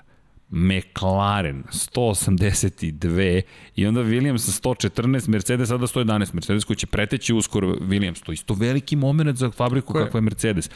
Dolazimo do toga da ćemo imati McLaren na poziciji broj 2 i dalje, do daljnjeg, a o njima ćemo tek pričati, dakle Lando Norris, Carlos Sainz, ko zna šta još mogu da postignu u kraja sezone. McLaren ne zaboravljamo, ali da li ti ja možemo da se poistovjetimo nužno sa Vanvalom, na primjer? Pazi, Vanval, koji je devet pobjeda zabeležio. Inače, Vanval koji spada u grupu redkih, inače, spremaju se da, da naprave repliku tog, tog bolida iz 1958. Inače, to je jedini bolid koji je svoj maksimalni broj poena u jednoj sezoni. Eto ti šta je ne mali, tada se nisu bodovale sve trke, ali to, toliko su imali uspeha da na kraju su osvojili maksimalno broj poena. Vanval, jel imaš neku emociju, sad ja kažem u Vanval i kažeš... Ne wow, to opisuje Formula 1. Ali za nekoga je taj Vanval neka emocija koja je za pamćenje za sva vremena. Jest. I sad dobiješ repliku, veruj mi, volao bih ja tu repliku tog bolida, dakle, da je uteram ovde u studiju, ne znam kako, ali bismo je progurali. Ali to je ta poenta, dakle, u ovom trenutku... I nek... to bez lifta. I to, e, gurtnu. e, otišao nam je motor, dakle, e da, pozdrav. Dakle, motor to ćemo... otišao, da, da. Otišao motor, motor, otišao u Pančevo. Devoj, devojka dobila motor na nagradnoj igri. Mi inače ne organizujemo nagradne igre, ne, ne, nemamo kapacitete, što kažu da to organizujemo, to pa, vam je zakonski veoma zahtevno. Da, ali, jest sledeće godine ko zna šta ćemo, ko, ko zna čega će sve biti. Slažem mi ne organizujemo nagradne igre, mi samo poklanjamo ono što možemo da poklonimo i zato sam i rekao, bit će neki poklona I izmišljamo i načine kako da navijačima Artuna Sene ćemo nešto da pomognemo uz pomoć drugara, eto, uz pomoć Duleta konkretno. Tako, koji su da, se javili, rekli, momci, evo vam. Evo, mi ćemo da po, evo, i to, Toliko to, i mi to radimo, dakle, da. dakle ne, ne uzimamo sebi, nego ćemo da poklonimo vama. Delimo to je sreću, to, ako možemo. A, Vanja je bio vredan, dakle, evo je ta kaciga. Vanja, to treba da nam uđe u studiju. Dakle, to, to, to, to treba da imamo. Dakle, naravno, nadamo se i Hamiltonovu da ćemo dobiti, ali ova kaciga postala deo istorije. I evo sad, to ne je deo istorije bez Luisa Hamiltona. Ok, ovo je već sa Ayrtonom Senom Jest. sada. to je ta kolekcija, ali i Senina će doći, nemojte da brinete. To, to je nešto što smo sebi zacrtali jer nam je to više zabavno, a u krajnjem slučaju moramo i da poklonimo ove kacige, pa moramo da imamo neke nove. Da, ovu jednu ne možemo da poklonimo, da. da. Dule, će Dule, dole. Dule će da nas ubije. Ali ako hoćete potpisanu Duletovu kacigu, da, da. potpisat će Don Pablo. Don Pablo, da. da, dakle, čeka nas, čeka nas istorija, nego samo Mercedes je toliko siguran da će nešto veliko postići da prosto vam ponekad ponestane mogućnosti da se bavite, a onda i kad se bavite, neko kaže pa dobro, ali to već znamo da će se desiti. Imajte strpljenje i za Formulu 1, za nas, pa čujte, u ovim majicama kako da remete, u ovim, ovim, bojama kad smo tako šlank, dakle, ali šta je pojenta? Kao bolje nismo izgledali. Tako je, ali vidi, 2022. ja mislim da ćemo doživjeti nešto što se Moto Grand Prix desilo. 10 godina ranije. Imali smo CRT timove, imali smo ekipe koje su kasnije 2, 3, 5 sekundi za, za glavnim vozačima. Danas u Moto Grand Prix 8 pobednika paju 10 trka. Imali smo ponovo sada ludnicu, potpuno, ne treba to da govorim, imali smo haos, ajde tako da se izrazim, u Aragonu. Fan, još jedna fantastična trka. Tako da, nisu ovi momci zaboravili da voze. Da, bolidi mnogo se više pitaju, ajde da se tako i rogobatno izrazim. 2022. Uf, tu bi mogli stvari da se izjednače. Ograničenja budžeta, lepo si rekao, da. to će igrati veliku ulogu već naredne godine. Hoće, ali dobro, znaš i sam, pričat ćeš ti sutra o tome, ne znam ko ti ne, ne, ne, moto, sutra. Ne, sad do Formula 1, baš ograničenja ali, budžeta, ali, znaš. Ali MotoGP ti je, znaš, dobio si zabavu jer nema, nema komandanta priče, znaš, nema komandanta Marka. Komandant Mark, opa, čekaj, stripove, da. komandant Mark, komandant okay. Mark nije tu, da. Ko je tu Black Stena? Pa ne znam ko je Black Stena, to ti treba da kažeš ko je Black Stena, ali, ali očigledno da je zanimljivo, zato što zanimljivo je ove godine jer nema ono ko vodi kolo, realno. Znaš, to, je, to, to, to, je, to je činjenica, to je nema čoveka koji je definisao prethodnih pet godina. Ja, ja čak mislim da da u opciji da Lewis Hamilton iz nekog razloga nije mogu da vozi ove godine da bi takmičenje bilo bez obzira što Valtteri Bottas upravlja Mercedesom, ne verujem da bi on taj Mercedes e, tako bravo, lagano doveo bravo. do titule, znaš. Pa, pa evo, on sad ne možemo da kažemo baš da je daleko od Maxa Verstappena. Pa Pri čemu pod kojim pritiskom bi bio Valtteri Bottas u toj tako situaciji? Je, Kako bi vozio? Je. Pa mislim da bi da bi vozio još slabije nego što vozi. Tako je. A onda ko zna ko bi se tu tek pa pojavio. Pa opet to samo naše observacije, ništa, tako je. ništa više od toga, znaš. Ne znači da ne poštujemo Valterija Bottasa, ne, samo ne, ta, taman posle. Ne vidimo tu vrstu kvaliteta. Ne, ne, ne vidimo tu vrstu kvaliteta A zašto smo toliko kritični dobijamo stalno? Pa zato što ga se sećamo iz, Grand Prix trojke. Yes. Zato što smo njega imali veliko očekivanje. Znači, ne zato što mi njega mrzimo. A videli smo Kimivog Mi nikog ne mrzimo. Tako je. Videli smo nekog ko možda bude veliki potencijal. Nije to pokazao. Ništa drugo. I samo zato trpi kritike, ništa više. Ne zato što postoji neki lični amonizitet, pa to smo već apsolvirali nema, ne, ne, ne, to, to, to me nema, o tome nema priče. Nego, da, da završimo i priču o Ferrariju, dakle od Ferrarija šta da očekujete? Očekujte, očekujte da bude bolji, samo strpljenja malo, biće im potrebno vremena da se oporave. Malo više s obzirom kako su stanju, malo Baš više se ranili, da. ali oni su se sami ranili. Što yes. odnos ima prema vozačima, što na pristupu u ovoj sezoni, što u krajnjem slučaju i višim sile. Nemoj zaboraviti COVID-19 je uticao da Ferrari zatvori fabriku dok su ostali radili. Radili punom parom. Tako da im bilo je svega za Ferrari, no... Znaš kada počinje, iz moje prizme, kada počinje propast Ferrari? Smrću Serđe Markione.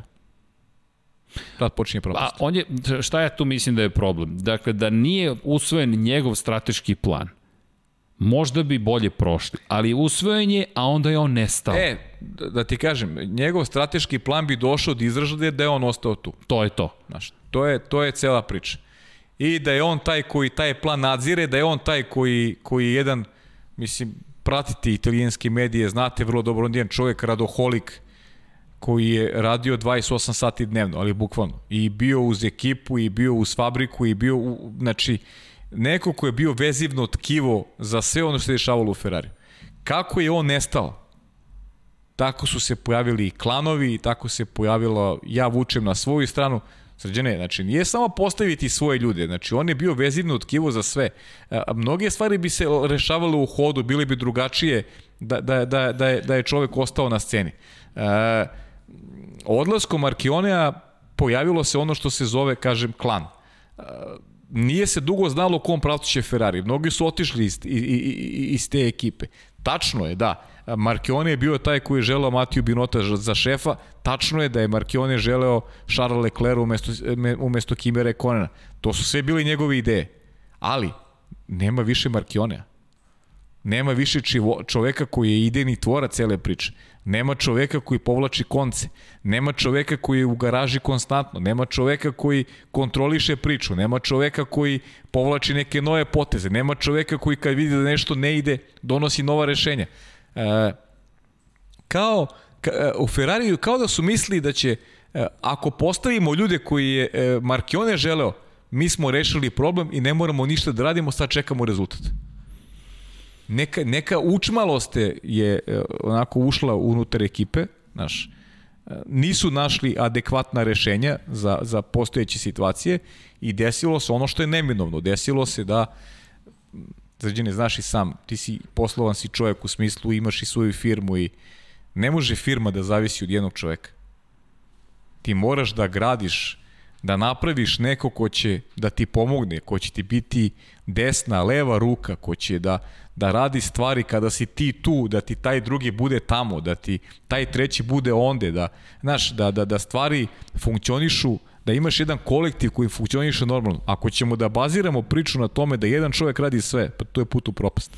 Vidi, ja, ja samo mislim da se polako pojavljuje neka svetlost. Da je to, to, to, pojavljuje se, pojavljuje da, se, pokušamo to je taj. da analiziramo ono što se dešava. Tako je, da, tako da mislim da u ovom momentu, pogotovo uz odlazak u Portimao, koji ko zna kako će ti, pazi, to je kratka staza, da ima 15 krivina, uh, ima dosta krivina, ali 4653 metre dugačka, niko je ne poznaje, hajde tu da vidimo, malo podsjeća na Muđelu iz te perspektive, da. niko nije bio u Muđelu, ideš sada u Algarve zapravo, Algarve međunarodna staza, to je zvanični naziv za stazu u Portimao, pa možda to otvara šansu, jer ne zaboravimo, u Muđelu Leclerc u momentu zaista bio impresivan i, i da nije bilo toliko problema na tom dugačkom pravcu, ovde neće imati tako dugačak pravac, nije kratak pravac, problem će biti 15. ta poslednja krivina i i, i mogućnost možda da to ipak se vidi dosta preticanja, tako da možda će to da odigra neku ulogu. Inače, kada pričamo o Algarve, to, to fenomenalno vikend nas čeka, čekaj, to, to, to idemo, po, idemo fenomenalnu stazu, staza koja je inače toliko zahtevna da, da uložili su dosta, dakle Malgarve je rekao, mi smo novi slove asfalta stavili, izveli smo nove radove, kilometri, kilometre kablova su sproveli, pošto prenos Formula 1 nije isto što i prenos drugih takmičenja, stiže i Moto Grand Prix, ali Formula 1 je na samom vrhu tehničkih televizijskih zahteva. Zašto? U 4K se prenosi. Moto Grand Prix se prenosi u 4K. Ljudi vrlo jednostavno, Živimo u digitalnom svetu. Rezolucija, ovo što sada gledate, nadam se, u Full HD-u, dakle 1920 puta 1080. Pomnožite to sa 4. Dakle, mi pričamo 1920 puta 1080 puta 4, dakle i ovamo i ovamo. Mi imamo kvadrat ne puta puta 4. Sada imamo 4000 i koliko beše? Ima dve, ima Ultra HD i 4K, dakle jedno ispod 4000 piksela, drugo malo preko toga. E sad te 4000 bukvalno, pomnožite sa koliko to vanja, dakle, idemo, dakle, ne, puta dva je kada je reč o širini, mi dođemo do kvadrata, uh, sad sam otišao predaleko, ali to mi je eksponencijalna funkcija koju dobijete da biste preneli podatke. Da biste to omogućili, morate da imate neverovatnu infrastrukturu. Dakle, neko me pitao zašto, na primjer, ne promenimo utakmicu koja se prenosi za NFL. Ljudi, to ne ide tako lako. Ja znam da to izgleda kao da, da se samo upali neka kamera. Imate neku utakmicu koju je NFL odredio da će prenositi i sada vi imate prenos tih podataka preko satelita do nas u Evropi neko je odlučio da zakupi neki satelit i da to prenese. Nije to tek tako upalim i to se samo prenese. A to je kao i za neke druge sportove isto. Na često ima ta pitanja, ali to su jednostavno morate da razumete tu, tu terminologiju i kao da neko ne bi hteo da, da, da neke stvari uradi, ali prosto, prosto Evo. je ne, ne, nemoguća misija. Vanja mi šalje informacije. 4096 puta 200, 2160. Hvala Vanja. Pa da, bez Vanje ništa. Dakle, bez Vanje. Bez Vanje Dom Pablo. Bez A, Vanje ne, ne, ne, po, ne, ne, ne, ne funkcionišu stvari. I dakle, hajde sada da, da ne budem lenj. Dakle, 2 miliona 73.600 piksela kako je, kako je HD, ako je 4096 puta 2160, ajmo kalkulator, nije ovo moje dakle, znanje, da ne budemo lenji. Dakle, idemo na 8 miliona 847.360. Ok, više od puta 4. Dakle, ljudi, to, to, to, to raste. Dakle, to yes. raste, to je opšta ludnica. Dakle, mi govorimo o tome da smo došli do jednog pre, do jedne preozbiljne količine podataka koje mi moramo da imamo. Zapravo bio sam pravo na početku puta četiri. Ne znam šta mi je danas. Matematika. Često znaš da, znaš da budeš u pravu, ne znam šta ti. Matematika. Danas se nešto sam pošašaveo, ali činjenice da je Algarve pa dobro, juče morao... NFL sinoć, pa rano ustajem. E, u tri ujutro sam legao. A, to ti kažem, u tri ujutro sam legao, ne tražim nikakve izgovore, ne, pa, ali... Tamo, samo konstatujem. Ali bila, bila, bila, je kom, bila je kome stanje, ali dobro, bar smo vanje ja pogodili ko će pobediti. Jeste, a? Da, Kansas City Chiefs. Vanja, mada Vanja ja smo možete imali... mi kažete što hoćete me, ko, ko, da, mi, ko da ste mi šama E, znaš šta Vanja, moramo da zovemo Paju jednom u 99 da, yardi, pa to bi bilo nema, fantastično. Pa nema potreba, nemoj da vam kvarim emisiju, pa ne znam ništa. Ne, ne ali dalje, ja mislim da bi bilo za... Da može, može, znam ništa, Vanja. da, da ga navučemo. Ja, Što da hejtujem, da hejtujem, ne, šta? snimimo Pa podcast u kojem pričamo o pravilima. Pazi, Vanja je neko ko voli formulu i zaslužuje da sedi ovdje sa nama. Jeste, ja, jeste, ja ne jeste. zaslužujem da sedim sam u NFL-u, ja ne znam ništa o tome. i Pa to da, je, ćao, ali te volimo. Ćao, ćao. Dobro, to, Elem- je, to je pošteno. I ja Elem- vas. Dakle, da, recimo da sam se zbunio zato što sam kasno legao. Kao Da. prvi put u životu Da. da. sam kasno legao, pa ne znam šta se događa oko mene, ali činjenica je dakle, da je infrastruktura bila potrebna da se promeni. Zašto to spomenjemo? Pa ogromne su pripreme u Portimao, ovo je važan moment, dakle Portugalija nije? davno nije bila u kalendaru Formule 1. Ako nije. Opet dolazi, znaš šta mi je žao? Što ne vozi se ne vozi Formula 2 tamo. E da, opet da vidimo ti super. klinci kako reaguju novi stazi, naš kakvi su na, naš, kako biraju ulaske u krivinu, kočenje, znaš, sve te, sve neke bitne stavke iz tog nekog menadžerskog ugla kada govorimo o, o momcima koji ne znaju teren. Uvek mi je zanimljivo da gledam kako se ponašaju vozači u nepoznatoj teritoriji. To, Znaš, za, je- zato, izvini, zato je meni pogled sada i to, ka Charlesu Leclercu do nekle, neko se jeste. dobro bio snašao tamo. Jeste, jeste. Pa nema, nije sporan on kao, kao neko ko je talentovan vozač, mislim, daleko od toga, nikoga, nikoga u tom smislu ne, ne osporava. Naravno, nego Pričamo nekim drugim stavkama kada je Ferrari u pitanju. Pada mi na pamet. E, I znaš češ ko još? Lando Norris i, i kompanije Carlos Sainz. Inače, jedan od komentara vaših je bio da bi Carlos možda bio, da bi Lando zapravo bio možda na trećem mestu na velikoj nagrade Eiffela da nije da, otkazao dobar bolid. komentar, da, čitao Odličan sam. komentar. Jeste, dobar komentar. Jeste, i, nije i sporno. nije nemoguće. Dakle, kada pogledaš, dobro je išao Lando, dobro je koristio gume. Jeste. To sve bolje izgleda. Dakle, iz druge perspektive je promenio trku s obzirom na činjenicu da smo imali vozilo Pa da, ja, bezbednosti. pa ja nemam dilemu kad je Lando pitao, ja njega vidim kao tog jednog od, od tih lidera mladog, tog, tog mladog talasa takozvanog. Ne treba brinuti za budućnost Formule 1. Imamo zaista sjajne, sjajne momke. Sjajne momke koji će naslediti ove, ove velikane i u tom pogledu možda je srđan i ekonomska situacija dovela do toga da smo možda brže neke momke dobili u akciji. Svakako jeste. E sad opet dolazimo do priče šta ćemo sa Georgeom Russellom? Šta ćemo sa Williamsom generalno? George ćemo, da. Russell, Nikolas Latifi imaju ugovore do kraja 2021. u Williamsu. I sve se više priče bi George Russell mogao da, da bude višak u ekipi Williamsa. Pa, A da. gde, ćemo, gde, gde ćemo ga smestiti? I to Sergio Perez navodno bi I to mogao da dođe u Perez, Williams. tako je. I gde ćemo smestiti uh, George Russella ako to nije Mercedes? A Mercedes nije potpisao ugovor sa Lewisom Hamiltonom, Tako još je. uvek. Dakle, očekujemo da će se to desiti, Ka- ali... Trebalo bi, no, novembar će biti vrlo važan mesec kada govorimo o, o tim vozačkim postavama. Alfa Tauri je to saopštio novembar, čekamo i, i, i Haas, čekamo Da samo da naravno i- napomenemo, izvini, Alfa Tauri, dakle, ajmo ovako, mi negde spekulišemo da će Gasly da ode u ekipu Renaulta. Dakle, Da. to je to. Ali pre za 2022. Tako godinu, je, ne sada. nego za Ne 2021. Okon je Francuz, ima svoj ugovor, dolazi Alonso, ekipi ne treba da promeni i Ricarda i Okona, dolazi Alonso, to samo po sebi će biti tektonska promena, dakle, u dolazi u savršenom trenutku, očekivanja će biti ogromna. Alonso sada ne može, za razliku od nekih prethodnih godina, da kaže, e, bolid, gospodo, je motor Formule 2 i slične izjave koje ima. Ne, ne, dolaziš u tim koji je sada ozbiljan tim, Ozbiljan tim. tvoje da isporučiš. Okon je tu neko ko uči, stabilizuje se, vidit ćemo šta će biti, tako da Gasly najverovatnije ostaje Alfa Tauri. To je najverovatnije. Mm. Yuki Tsunoda već smo rekli, ko zna šta će tu biti, dakle da li će zaista biti promovisan ili neće. Pitanje je da li će imati poene za super licencu Yuki Tsunoda. I to je pitanje. Dakle, Pa da, po- potrebno mu je da bude među četiri u šampionatu da bi, da bi imao da bi imao licencu. super licencu. super licencu, ali dobro, može da vozi onih dodatnih 300 km. Može, svakako. Može to može da odradi on posao za super licencu, Ali ali, neko- ali je bolje da bude među četiri, to je jednostavnije. ali neko mora da stane iza njega da bi E, on to, to je dobio. tačno, I to je sad, tačno. dolazimo do Georgea Russella. Ne postoji veći britanski talent od njega i Landa Norrisa u ovom trenutku. Lando ima ugovor s McLarenom, Russell je u čudnom položaju. Čini se da je potez bio neću reći nužno pogrešan, ali moram reći pogrešan. Dakle, otišao Williams i ima zatvaraju još se jedan vrata. moment kada je u pitanju su vozači iz Britanije.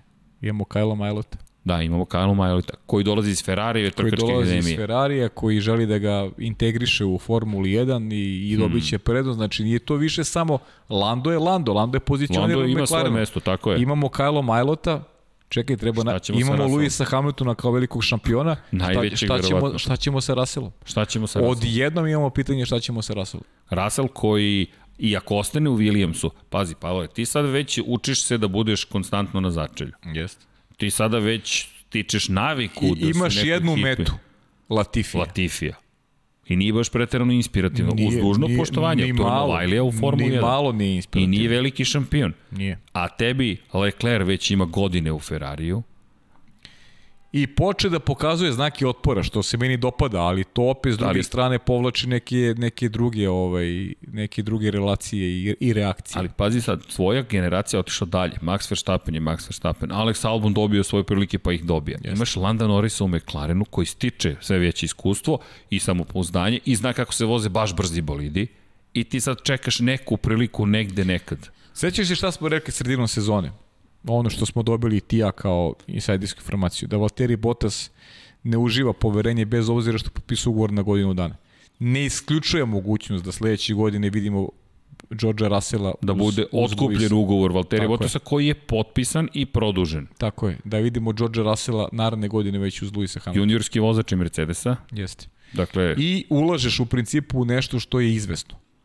Russell je tvoj projekat, ideš dalje, šta će biti sa Luisom posle 2022. godine, vjerojatno će ostati u Mercedesu, ali imaš vozača koji će naslediti Luisa Hamiltona. inače, Ja sam, mislim, ti i ja smo o tome pričali još sredinom godine, tako da meni je to jedina realna opcija koja, koja Georgea Russella, da kažem, vezuje za nešto što se zove dobar projekat. U suprotnom, ako Bottas ostane u ekipi, pa kako može da napreduje George Russell i dalje?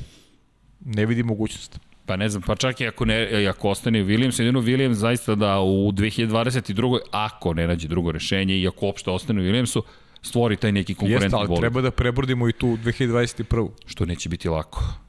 A, to, Naprotiv. a, a otvara pitanje i drugog vozača u Alfa Romeo, dakle čekamo potpis, što Kimi Rekonen, što Mika Mada se priča navodno da je Antonio Đevinaci dobio veće poverenje ekipe zahvaljujući rezultatima, ja to ne vidim iskreno. Ne vidim mislim ja. da je to samo priča Ja i mislim da da je tu, tu rešena stvar. Ko Da. će da sada kaže Miku Schumacheru, ne, ti ne dolaziš u Formulu 1. Ne postoji gotovo niko na planeti Zemlji od obožavalaca Formule 1 ko se nije uzbudio kada je rečeno još jedan Schumacher. Mik, posle one predaje kacige Lewisu Hamiltonu još pride.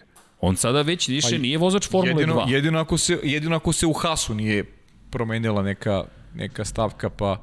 Mada e, za Has e, navodno je odbijena definitivno ponuda Dmitrija Mazepina. To je kategorički je Gene Haas rekao da bez obzira na tu bezobraznu novu ponudu koju smo Nema promjena. Da nema promene ništa u stavu, da oni ostaju u, u, u Formuli 1 i da, da nema ništa od, od uh, prodaje ekipe Hasa.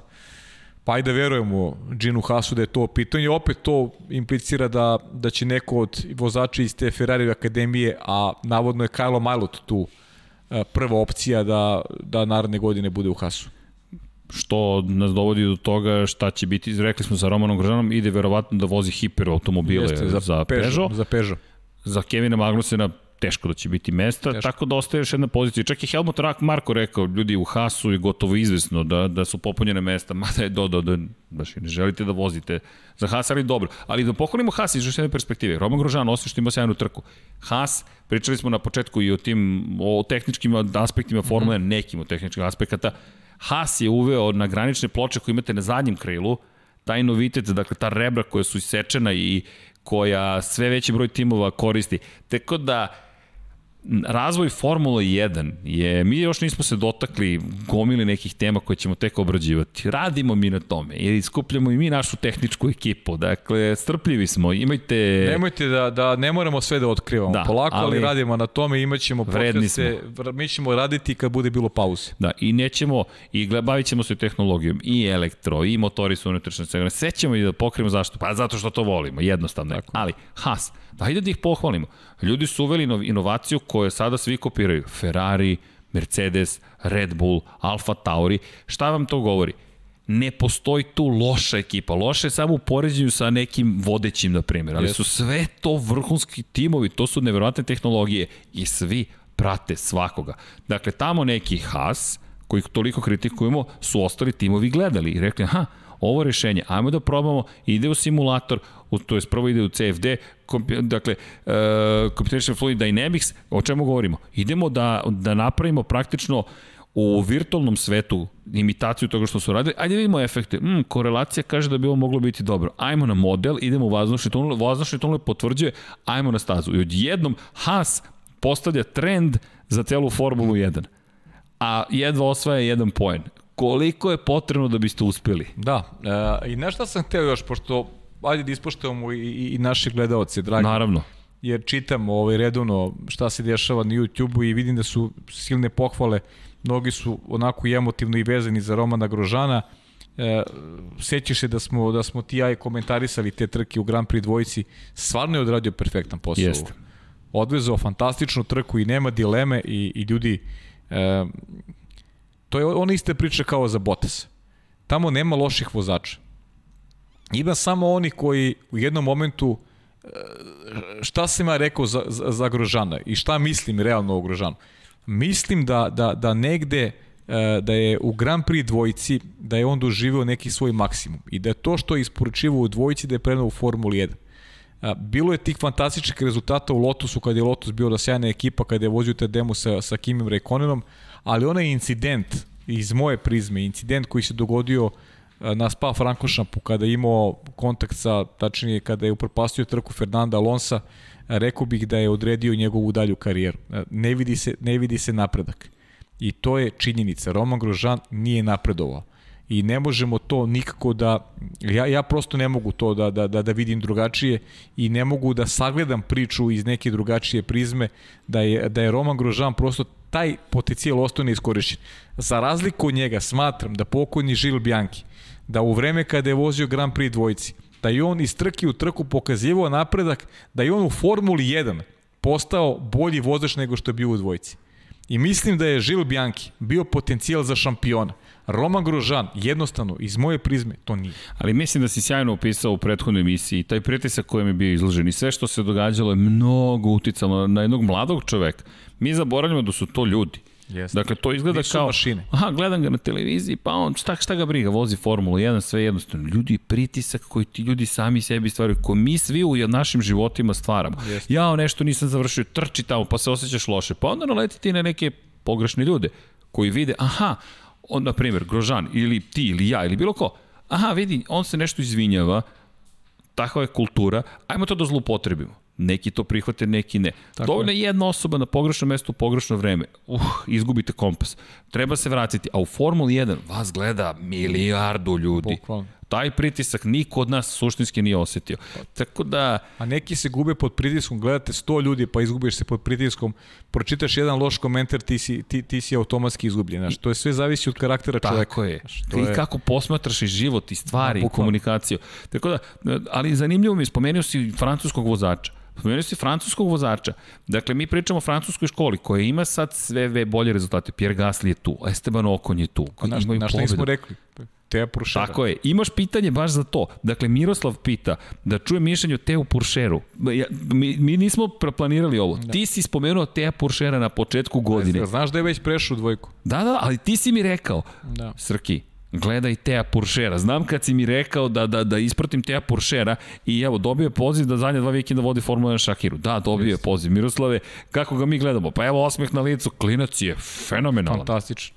Ljudi, on je napunio, proslavio 17. rođendan u avgustu mesecu. A bio je do posljednje trke e, kandidat, on je u stvari bio do posljednje kruga kandidat za titulu u Formuli 3. Jeste.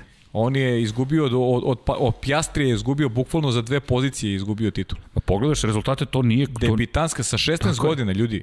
E, prvi, Te, Teo Puršer je već sada zvezda u Francuskoj. s- pre dve godine je šampion francuske Formule 4. Prošle godine u Nemačkoj šampion Formule 4. Ove godine u Art Grand Prix vice šampion Formule Vice 3 šampion svetske. Tako, i evo ga već u Formuli 2, gledat ćemo ga naravno u Bahrenu sa velikim zadovoljstvom. Šta da kažem, vidim u njemu šampiona. Francuska škola, fantastična škola. Fantastična, znači Francuzi šta su sve i izbacili tokom prethodnih 10 godina, to je fantazija. Zaista fantazija. Nažalost, srđene imamo među, u toj francuskoj školi dvojicu koje su tragično izgubili živote Jeste. i, i Žila Bjankija i Ubera kome smo po meni je bio kad u pred e, Pre mesec, mesec i dana, mesec i po dana recimo, on, on je neverovatan, užasan onaj, onaj incident koji mogli to je ste gledati baš velika tragedija. Velika tragedija, da, na Spa Frankošampu. Ali kažem, koliko je Francuska iznedrila tih talentovnih vozača, da li smatramo da je Puršer možda i dan talentovaniji? Pa ako pričamo o godinama i onome što je ostvario, a verovatno jeste. Pa mogu ti Verovatno reći, jeste. ja nisam vidio ovakve rezultate kod Francuza, uprko svima koji su Jeste. bili dobri. Teo Porcher... Sećaš se u to, u to vreme, iznad. u to vreme Grand Prix dvojka da je Grožan, Grožan je osvajao titule u konkurenciji Žila Bjanki. Ali pristup Žila Bjanki je bio neko dečački. Žil Bjanki je, zavisi kako ustane tog dana. Ako je ustao dobro, ako je raspoložen, oduvaće yes. na stazi Romana Grožana. Ali to će se desiti jednom u dva meseca. Odustaće, toga nema. Odustaće Puršer, takav kontinuitet. Sprint trka, subotnja trka, onda u kontinuitetu ima dobre rezultate. Koristi svaku moguću šansu. Sa, e, dečak sa 16 godina. 17 je napunio u finišu šampionata, ne zaboravite to. On je počeo takmičenje sa 16 godina. Ma momak je, momak je čudo jedno i o njemu ćemo tek slušati. Da, da. Puršer, ja pamtim Puršera baš zbog toga što znam da si mi ti rekao. A to je ono vreme kada, si ti, kada si ti imao koronu, pa Jeste. nismo radili zajedno. Jeste. Ja sam sam radio to vreme, pa, pa prosto, eto, nisam imao, da kažem, e, podršku u smislu da je neko bio sa mnom u kabini, pa sam se sam, prvi sam se upoznao sa njim, eto, to je jedini, jedini razlog. Ali... Da, izvinite, korona, to je COVID dovodi do, do, do jednog pitanja. Dakle, Zašto je bilo potrebno da se pojavi ova grozna korona, ne mogu baš celo pitanje da pročitam, da. da bi se u F1 vratile neke legendarne, čak dobre staze. Pa... I to je dobro pitanje. Zašto je bilo potrebno? Pa zato što neko ima malo drugačiji plan. Dakle, Liberty Media konkretno je nastavila na trend koji postoji Bernie Eccleston, mada je Liberty Media neke stvari radila dobro, neke radila mnogo loše. Evo sad, sad se pod znakom pitanja postavlja, pod znakom pitanja je šta će biti sa velikom nagradom Brazila. Mhm. -huh. Tretman koji Brazil dobija je nesvakidašnji loš. Mogu da pretpostavim da smatraju da možda tržište nije toliko važno ili da je nešto drugo posredi, da ne mogu da plate koliko bi želi. Ali vi ostajete potencijalno, mi ostajemo potencijalno bez Brazila. Katastrofa. I savršeno, Nix je postavio, ako se ne varam, dakle... Da, odlično pitanje, Srđane, da. imamo, imamo, imamo i drugu, daš, imamo sada, znaš da sam ja ono bolesnik i kad je hokej u pitanju da imam ogromnu strast prema tom sportu i i ovaj i čitam već najave za za nacionalnu hokejašku ligu NHL ligu koja je najjača na svetu za narednu godinu. E, mnogi klubovi su rekli da se neće takmičiti naredne sezone. Pazi, mnogi. Ali jedan broj klubova koji je važan za celu ligu. Da neće igrati ukoliko ne bude bilo publike. Da su spremni da celu sezonu propuste ukoliko ne bude bilo publike. Jer bez publike nema izvore prihoda. Znaš, e, gube mnogo... To je pitanje opstanka, to sada nije pitanje... Gube mnogo u finanskom smislu i lakše im je, tačnije finansijski im je isplativije da ih nema u takmičenju, nego da igraju tako što će, što će utakmice imati e, bez prisustva navijača. I onda dolazimo i do toje sekvence kada pričamo o Formuli 1, pričamo o propos staza i tako dalje. Mnogi nisu spremni prosto da se prihvate organizacije jednog Grand Prix u Formuli 1 ukoliko neće dobiti nemaju tu vrstu finansijskog stimulansa jer će, jer će tribine da zvrje prazne. Kome je u interesu da tribine zvrje prazne?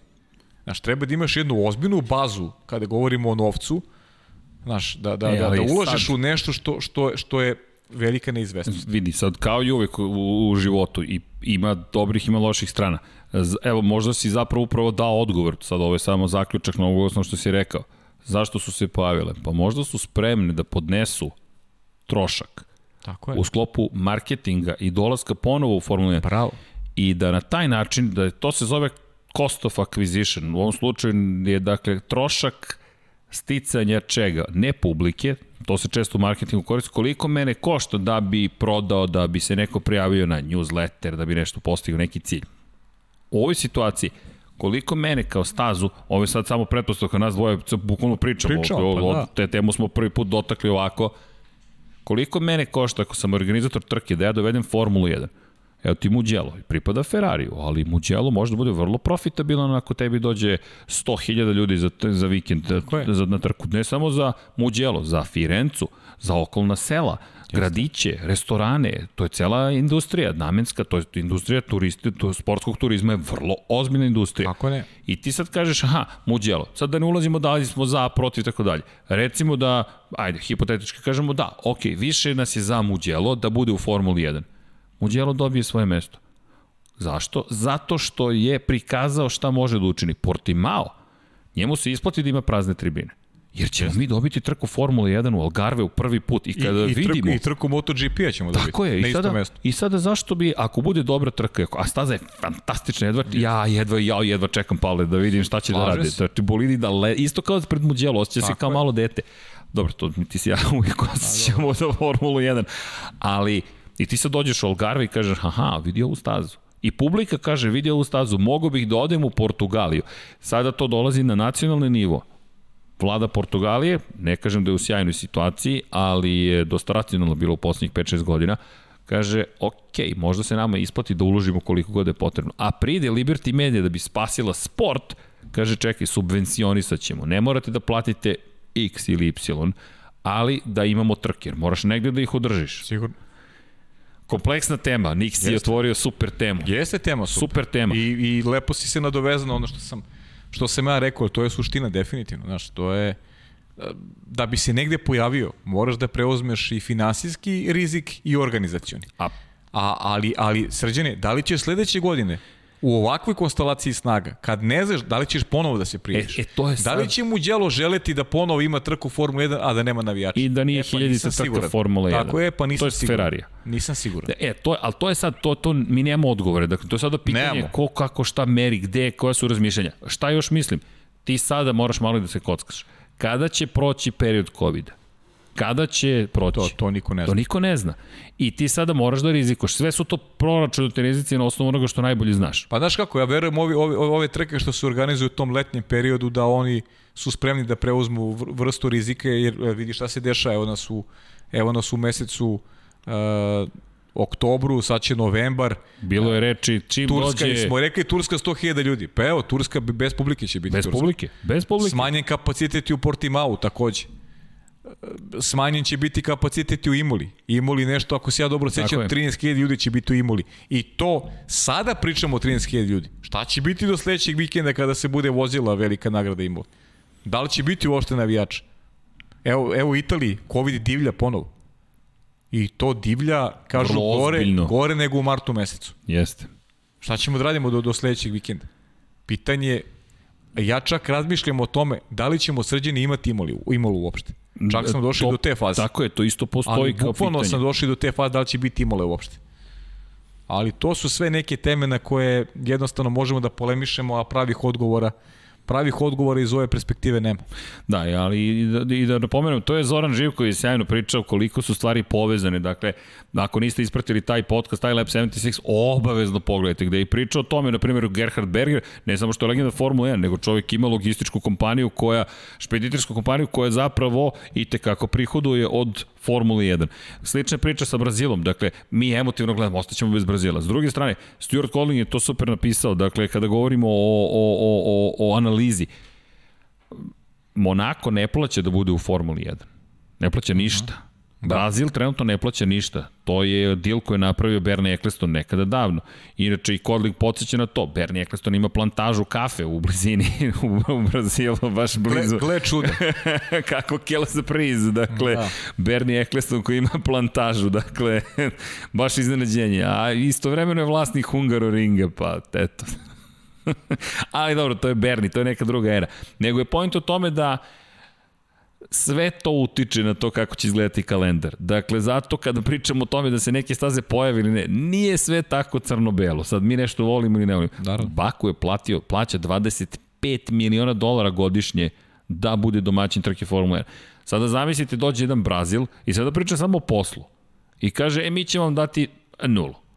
I dođe Baku i kaže, daću vam 25 miliona dolara. Hm. Ali znate istorija. Hm. Ima cenu ili nema cenu. Tako da su to stvari, a opet ne možeš da zameriš Liberty mediji ili nekome, jer evo kad je krenula kriza, ako nemaš zalihe novca, nemate. Inače kad, ne, kad nestane novca, Da nema ništa. Nema, ugase se svetla i to je to. Feničani ga izmislili, to stalno pričamo. Tako da to je odlično pitanje, kompleksna tema, međutim samo bih napomenuo, Portugalija od 1996. nije bila u kalendaru. Od čuvene pobjede Žaka Vilneva, to ako niste gledali. Evo vam poziv o preticanju u poslednjoj krivini sa spoljne strane. Ne, ne, one, to, to, to, to, to se ne radi, to, to ne radite. u, u, pričamo o Moto Grand Prix kada to neko uradi, wow, šta je uradio? Jacques Villeneuve, u to vreme Novajlija, u Williams Renault, je proterao ceo bolid Williams Renault, dakle, u poslednjoj krivini sa spoljne strane i jeste bio na svoju ruku. čovjek nije imao drugo rešenje. nije imao drugo rešenje. I još je vežbu u treningu razmišljao, kažu mi svi nemoj to da pokušavaš, Žak završit ćeš u zidu, ali ne, ipak Villeneuve. Trkački genij, šta će? To, trkački genij. Inače, Williams Renault, pet pobjeda u šest trka kada u toj eri. Šta je bio Williams tada? Samo Schumacher 93. pobedio. I naravno, nemojmo zaboraviti kada pričamo o Portugaliji, to je važno mesto. Tu su se dešavale istorijske priče. Samo prođete kroz istoriju. Ko je zabeležio prvu pobedu? Vanja, možeš, možeš, možeš drugi kadar, da dvoplan. Vanja, dvoplan. Vanja. Ko je zabeležio pobedu? Ko je zabeležio pobedu prvu u Portugaliji? Mister Sena. Nismo mi slučajno dobili danas baš Tako ovaj. je. gde je, gde je potencijalno nastao najveći duel između Alana Prosta i Artuna Sene? Pa Portugalija i tekako odigrala važnu priču tamo. Pričat ćemo svemu i u petak. Jo, jedva čekamo. A sledeće nedelje, u, tek trenutke, no, no, no. Vanja, koliko trajamo? Smo na jedno sat i po dva? Uuu, zapriča smo se. O, ma, da, sitnice, imamo još samo par nekih ćemo, tema. Utorak ćemo, ovaj, utorak ćemo Draganu da ugostimo. Da, bit će, Rekli smo, bit će Dragana zabavno. priprema za Imolu, priprema ona strategiju za trku, tako da ćemo, nadam se da će biti Imole, ali to nam je ideja nekada, niste je dugo videli pa... Pa taman malo da se ispričamo, da se ispričamo i, da. iz te perspektive. Da. da, dakle kada pričamo eto Portugali vraća se posle mnogo godina i nadamo se da će biti trke imali nadamo se Turska, Bahrein, Šakir, Abu Dhabi, svako da ćemo posjetiti. Ima ima tu još tema, dakle malo pre smo spomenuli na primjer i, i a kada pričamo ajde Portugali, George Russell spaja se pomalo od priča i rekao da će zone otklizavanja biti vrlo zahtevne i ne samo to, već da silazak sa staze će biti problem. U Muđelu smo videli da je Formula 1 bila spremna da kaže ok, silaziš sa staze, međutim zona otklizavanja nije tako jednostavno. Šljunak je odmah tu pokraj piste i puštaćemo vas da manje više siđete sa piste. Zato što je silazak sa piste toliko opasan sam po sebi, kao što je mogao da posvedoči Lance Stroll, na kraju da je to na neki način ono što će vas zaustaviti da vozite zapravo na neki način opreznije. Tako je. A zanimljivo je, Spa vraća šljunak pokraj staze. I vozači kažu da se slažu sa time. Pa dobro, ok, mislim... I morate priznati da se ja slažem s tim isto. Vidi, nije... Nisam, nisam, ovaj, nisam vozač Formule 1, ali mi se ali, dopada više ta opcija. Ali naš. vidi, to smo videli u Muđelu. Drugo, pričali smo, ajmo, ajmo da pogledamo Moncu. Parabolika je potpuno druga krivina od kada možeš da Jeste. siđeš 3 metra van Tako staze. Tako slažem se, slažem se. Znaš, rizik je mnogo manji. Manji je, tako je. Mnogo manji, a parabolika je ipak bila izazov za tako svaku je, generaciju vozača. Ta vrsta rizika se meni više dopada, naš. Ako napraviš grešku, ti si završio priču. I više mi se to dopada. Vrlo interesantno. Da. Vrlo interesantno. E, ne znam, Spa koja kaže da će pripremiti se i za Moto Grand Prix Pa pričali trku. smo o tome, 80 miliona evra u igri i da, pripremaju rekonstrukciju staze, govorili smo u prošlem podcastu, dakle, jedva čekam da vidim trku, to ću obavezno gledati, MotoGP na, na Spa. Zamisli, to, nekad davno smo to održavali. To bi mogli, to bi mogli i da idemo. E ne, to obavezno to prenosimo sa lica mesta. Zamisli samo prolaz ne, ne, ja gledam, ja gledam. Ne, ti gledaš. Ja gledam. Ti si poseban gost. Ja, ja sam gost, ja samo gledam. Dakle, sve. Najbolja Osto sedišta, propusnica, nema nikakvih okay, problema okay. i... Rešeno. Rešeno. Zamolit ćemo i tvoju omiljenu ekipu da ako... Mada ti ćeš sledeće godine biti Petronosov čovjek. Aha. Da, da, hoću. Pa da. Da, sad se setio da učemo priču. Da, da, budimo realni. Mozak, malo mi mozak ovaj usporio. A, zbunio sam te posle duže da, vremena. Da, jeste, uspori mi mozak. Da. Evo ovako, ovo je Pajina Kaciga. Jeste, jeste. Vrlo, vrlo jasno deklarisan jasno, čovjek. Jasno. Da, pa potom imam pitanju. dve svoje, mislim, ovu Duletovu, to je moja i to, to. opore, da. Da, Sena i Rossi, U to stvari, su tvoji. to su moji, da. To su moji. Kad Ovo je- pričam o automotosportu, to su moji, da. Jorge Lorenzi, to specijalna Ghost Recon kaciga, dakle, vrlo, vrlo zanimljiva kaciga. To je iz šampionske 2015. godine, potpisana na viziru. Elem, da se mi vratimo o Formuli 1. I ne samo Formuli 1, dakle, da, eto, pripremamo polako li sigurno vikend. Nismo se dotakli još jedne stvari. Uh, Racing Pointa koji je rekao da planira da za narednu godinu preuzme oslanjanje iz Mercedes iz 2020. Da. godine ne prestaje Racing Point, to je Da. Aston Martin, da gura temu, da gura stvari. Timovi se ostali bune, ali Racing Point kaže da je to dozvoljeno i da imaju pravo to da učine, dakle, bukvalno će uzeti Pa oni su Mercedesov dobri- menjač i delove koji idu uz to. Oni su dobili vetar u leđa ove godine s odlukama FIA, tako da to je to, mislim. Drugi timovi pristali, odustali od, od žalbi, je li tako? Da, Vidjet ćemo samo šta, šta će Šta dobiti drugi dobijaju. Da, tako Ha, je, u toj konstelaciji gde je trgovina? Snaga. Tako je, trgovina negde jeste, a jer spominjali smo izvini žetone, možete, pravilnik trenutno kaže da ukoliko koristite komponente partnera u 2019. određene, u 2020. možete da uzmete dakle, te delove i primenite ih na svoj bolid bez potrošnje dva tokena. Šta to konkretno znači? Aston Martin će dakle, Racing Point postaje Aston Martin, dobiti, dobiti priliku da razvije bolid na nivo ovogodišnjeg Mercedesa i da zadrži dva žetona za dalji razvoj. A stiže mu Sebastian Vettel. ozbiljna priča. Vrlo ozbiljna Mislim priča. da zahteva malo više vremena, da. Da, da, zahtevali Samo... samo... Da posvetimo, čisto da konstatujemo šta se Da, dešava. da, da, da ne da. zaboravimo, da ne zaboravimo da. da će to biti ozbiljna tema. Za sada su to osnovne informacije, timovi ostali kažu da se bune, Međutim, to nije prvi put da smo to gledali. Dakle, Racing Point je to radio, to je radio Alfa Tauri, yes. to je Toro Rosso je radio sa Red Bullom, nije to novitet. Tako da Aston Martin, mislim da pro sledeće godine može da se ozbiljno bori, ne samo ne? za tu poziciju broj 3. Pa zato smo i rekli negde na početku podcasta, ne želim da još dobiju Adrian Newey u pride. Pa zamisli želim što? da taj čovek ostane u Red Bullu, da imamo, da kažem, neku konkurenciju koja će biti zdrava Mercedesu i ja verujem i Ferrari u nekom doglednom periodu. Dobro, čeka nas sjajna trka u svakom slučaju. Čeka nas sigurno, da. Lewis Hamilton juri sledeći korak pobedu. u istoriji, da. prosto ga juri pa ga juri. Jeste. Mercedes se približava Williamsu. priča i imamo onu priču oko trećeg mesta konkurencije konstruktora koja je fantastična. 120 poena za Racing Point, 116 za McLaren, 114 za Renault. Da, fantastična je borba Kakav i uživamo u toj, znači, potreći. Pa nešto ulazimo mi sad u jednu dobru seriju. Ti si onako, jeste, jeste. ti onako jesi. Ja sam u seriji. Svake nedelje, ali kada je Formula 1 u pitanju narednih koliko?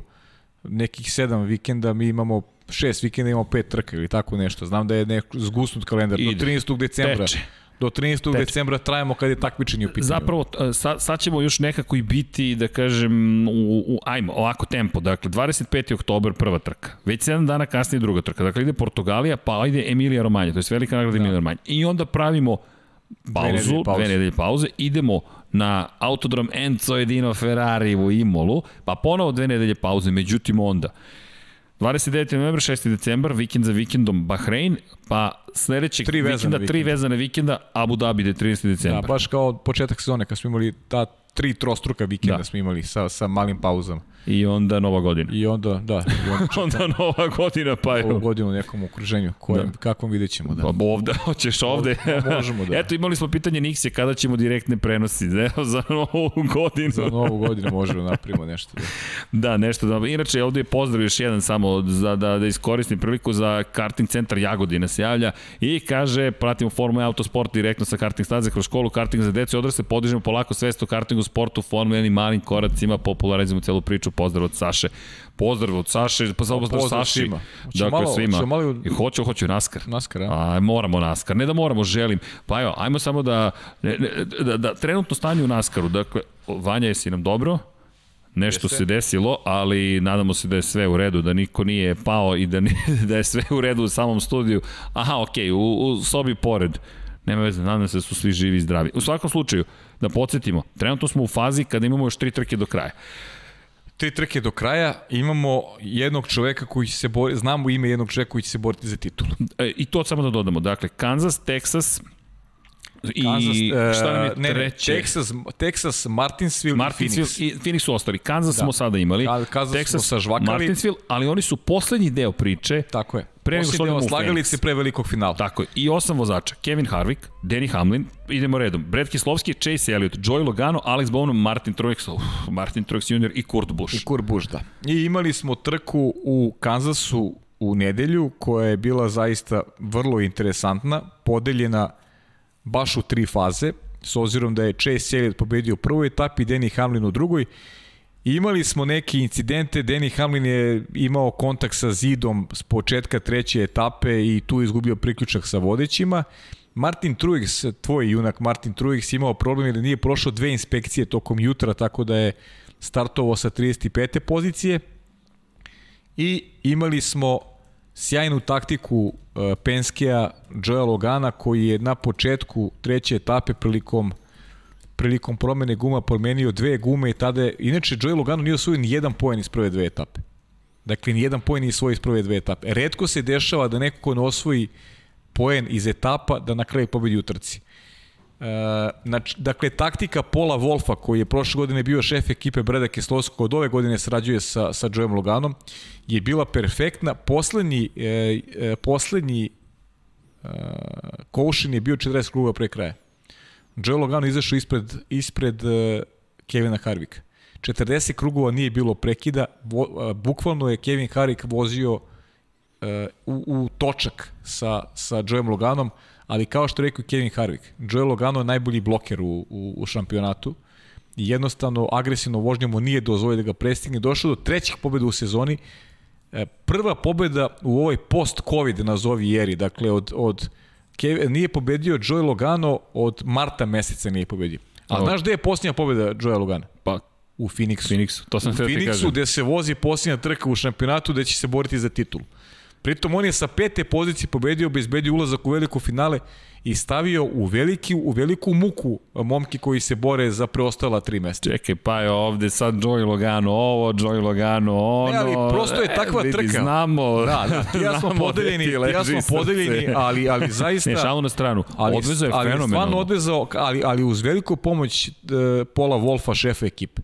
Neke dobre poteze Paul Wolf uko, jer, jer Joey Logano jednostavno A. u tom kontinuiranom trkanju nije bio dobar. To sam te ti kažem, pravio je greške u tim situacijama. Nije mogao prosto, uvek znaš, drugačije podešen automobil, da. I uvek je bio taj, i uvek ista priča. Ako bude žuta zastava pred kraj trke, gledajte Joya Logana. To yes. će biti spektakl. Ali ovde je srđene malo više bilo od, od možda sprinta. Je, možda je napredovao. Da, 40 krugova pre kraja. To, to, to, možda je I sad to je napredovao. Rekao, pa čist vazduh ispred sebe i taj njegov agresivna vožnja, agresivan stil, gde on se ne libi mnogo da, da to može samo u naskru, to, to nema u drugim ne, kategorijama. Znaš, to je... Bili bi izopšteni, kažnjeni i suspendovani trajno. Definitivno, dakle, znaš, to, ono što gledamo u naskaru, to nema nigde. To je neki izuzetak, vremenski izuzetak. Evo nisam anomalija izgovorio, temporalna anomalija zvana naskar u trkanju, ali gledajte te trke, Jeste. imaju svoju dušu, svoju I ima priču. još neke momente da ne zaboravim, pošto prosto, prosto uh, tražio je Kyle Larson želi da bude aboliran, da se vrati u šampionat i, I vratit će ga. I vratit će vratit će ga, ga da. Je. Stigle da je potvrđeno od 1. januara 2021. E, vratit će i na šta da ne zaboravim nikako,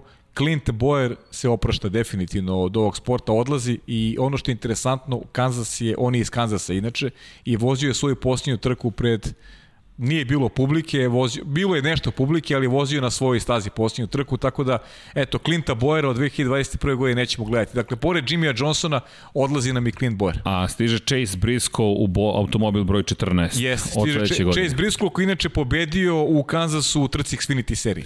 Tako da ima, ima simbolike. stiže nova generacija. Stiže nova, a inače da. Clint Boyer će biti, kao što si rekao, naš kolega. Biće naš kolega, da. I to će biti zabavno. Clint Boyer je uvek zabavan. Međutim, Jeste. zabavno će biti u završnici šampionata kada pogledamo ko je ugrožen. Dakle, Kurt Busch, to smo pričali pre početka snimanja, da, je osmi, baš I da podsjetimo, ko u preostale dve trke zabeleži pobedu, bez obzira na broj poena, odlazi u veliko finale. Tako je. Za sada znamo samo da je Logano siguran finalista, u poslednjoj trci četiri najbolje vozača, se bore za titulu. I tu nema poena, tu nikakvi poen ne važi, prosto ko fizički bude bio bolji taj je šampion. Tvorice, taj je šampion, nema nikakvih poena i to je to, ali, ali sad poen igri ulogu i ovde je e, najbolje pozicije Kevin Harvey koji ima 41 yes. poen više u odnosu na, na petu poziciju. Kontroliše svoju sudbinu. Kontroliše prosto Kevin Harvick. Sa dva plasmana među 10 najboljih, on je pa, sigurno u velikom finalu. I njemu je bilo potrebno, imamo potreban dobar rezultat. On je bio dobar u, u Las Vegasu. Dobar, među vodećih 10. Da. Ali Taladega, 20. pozicija.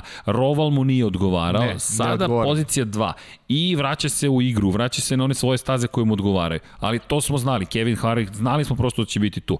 Danny Hamlin, cele godine Danny ima pobeda tu, pobeda ovde, Danny, pobeda Danny, ovde, Danny, pobeda da, ovde. Pa ne, Danny je rekao je voze trke.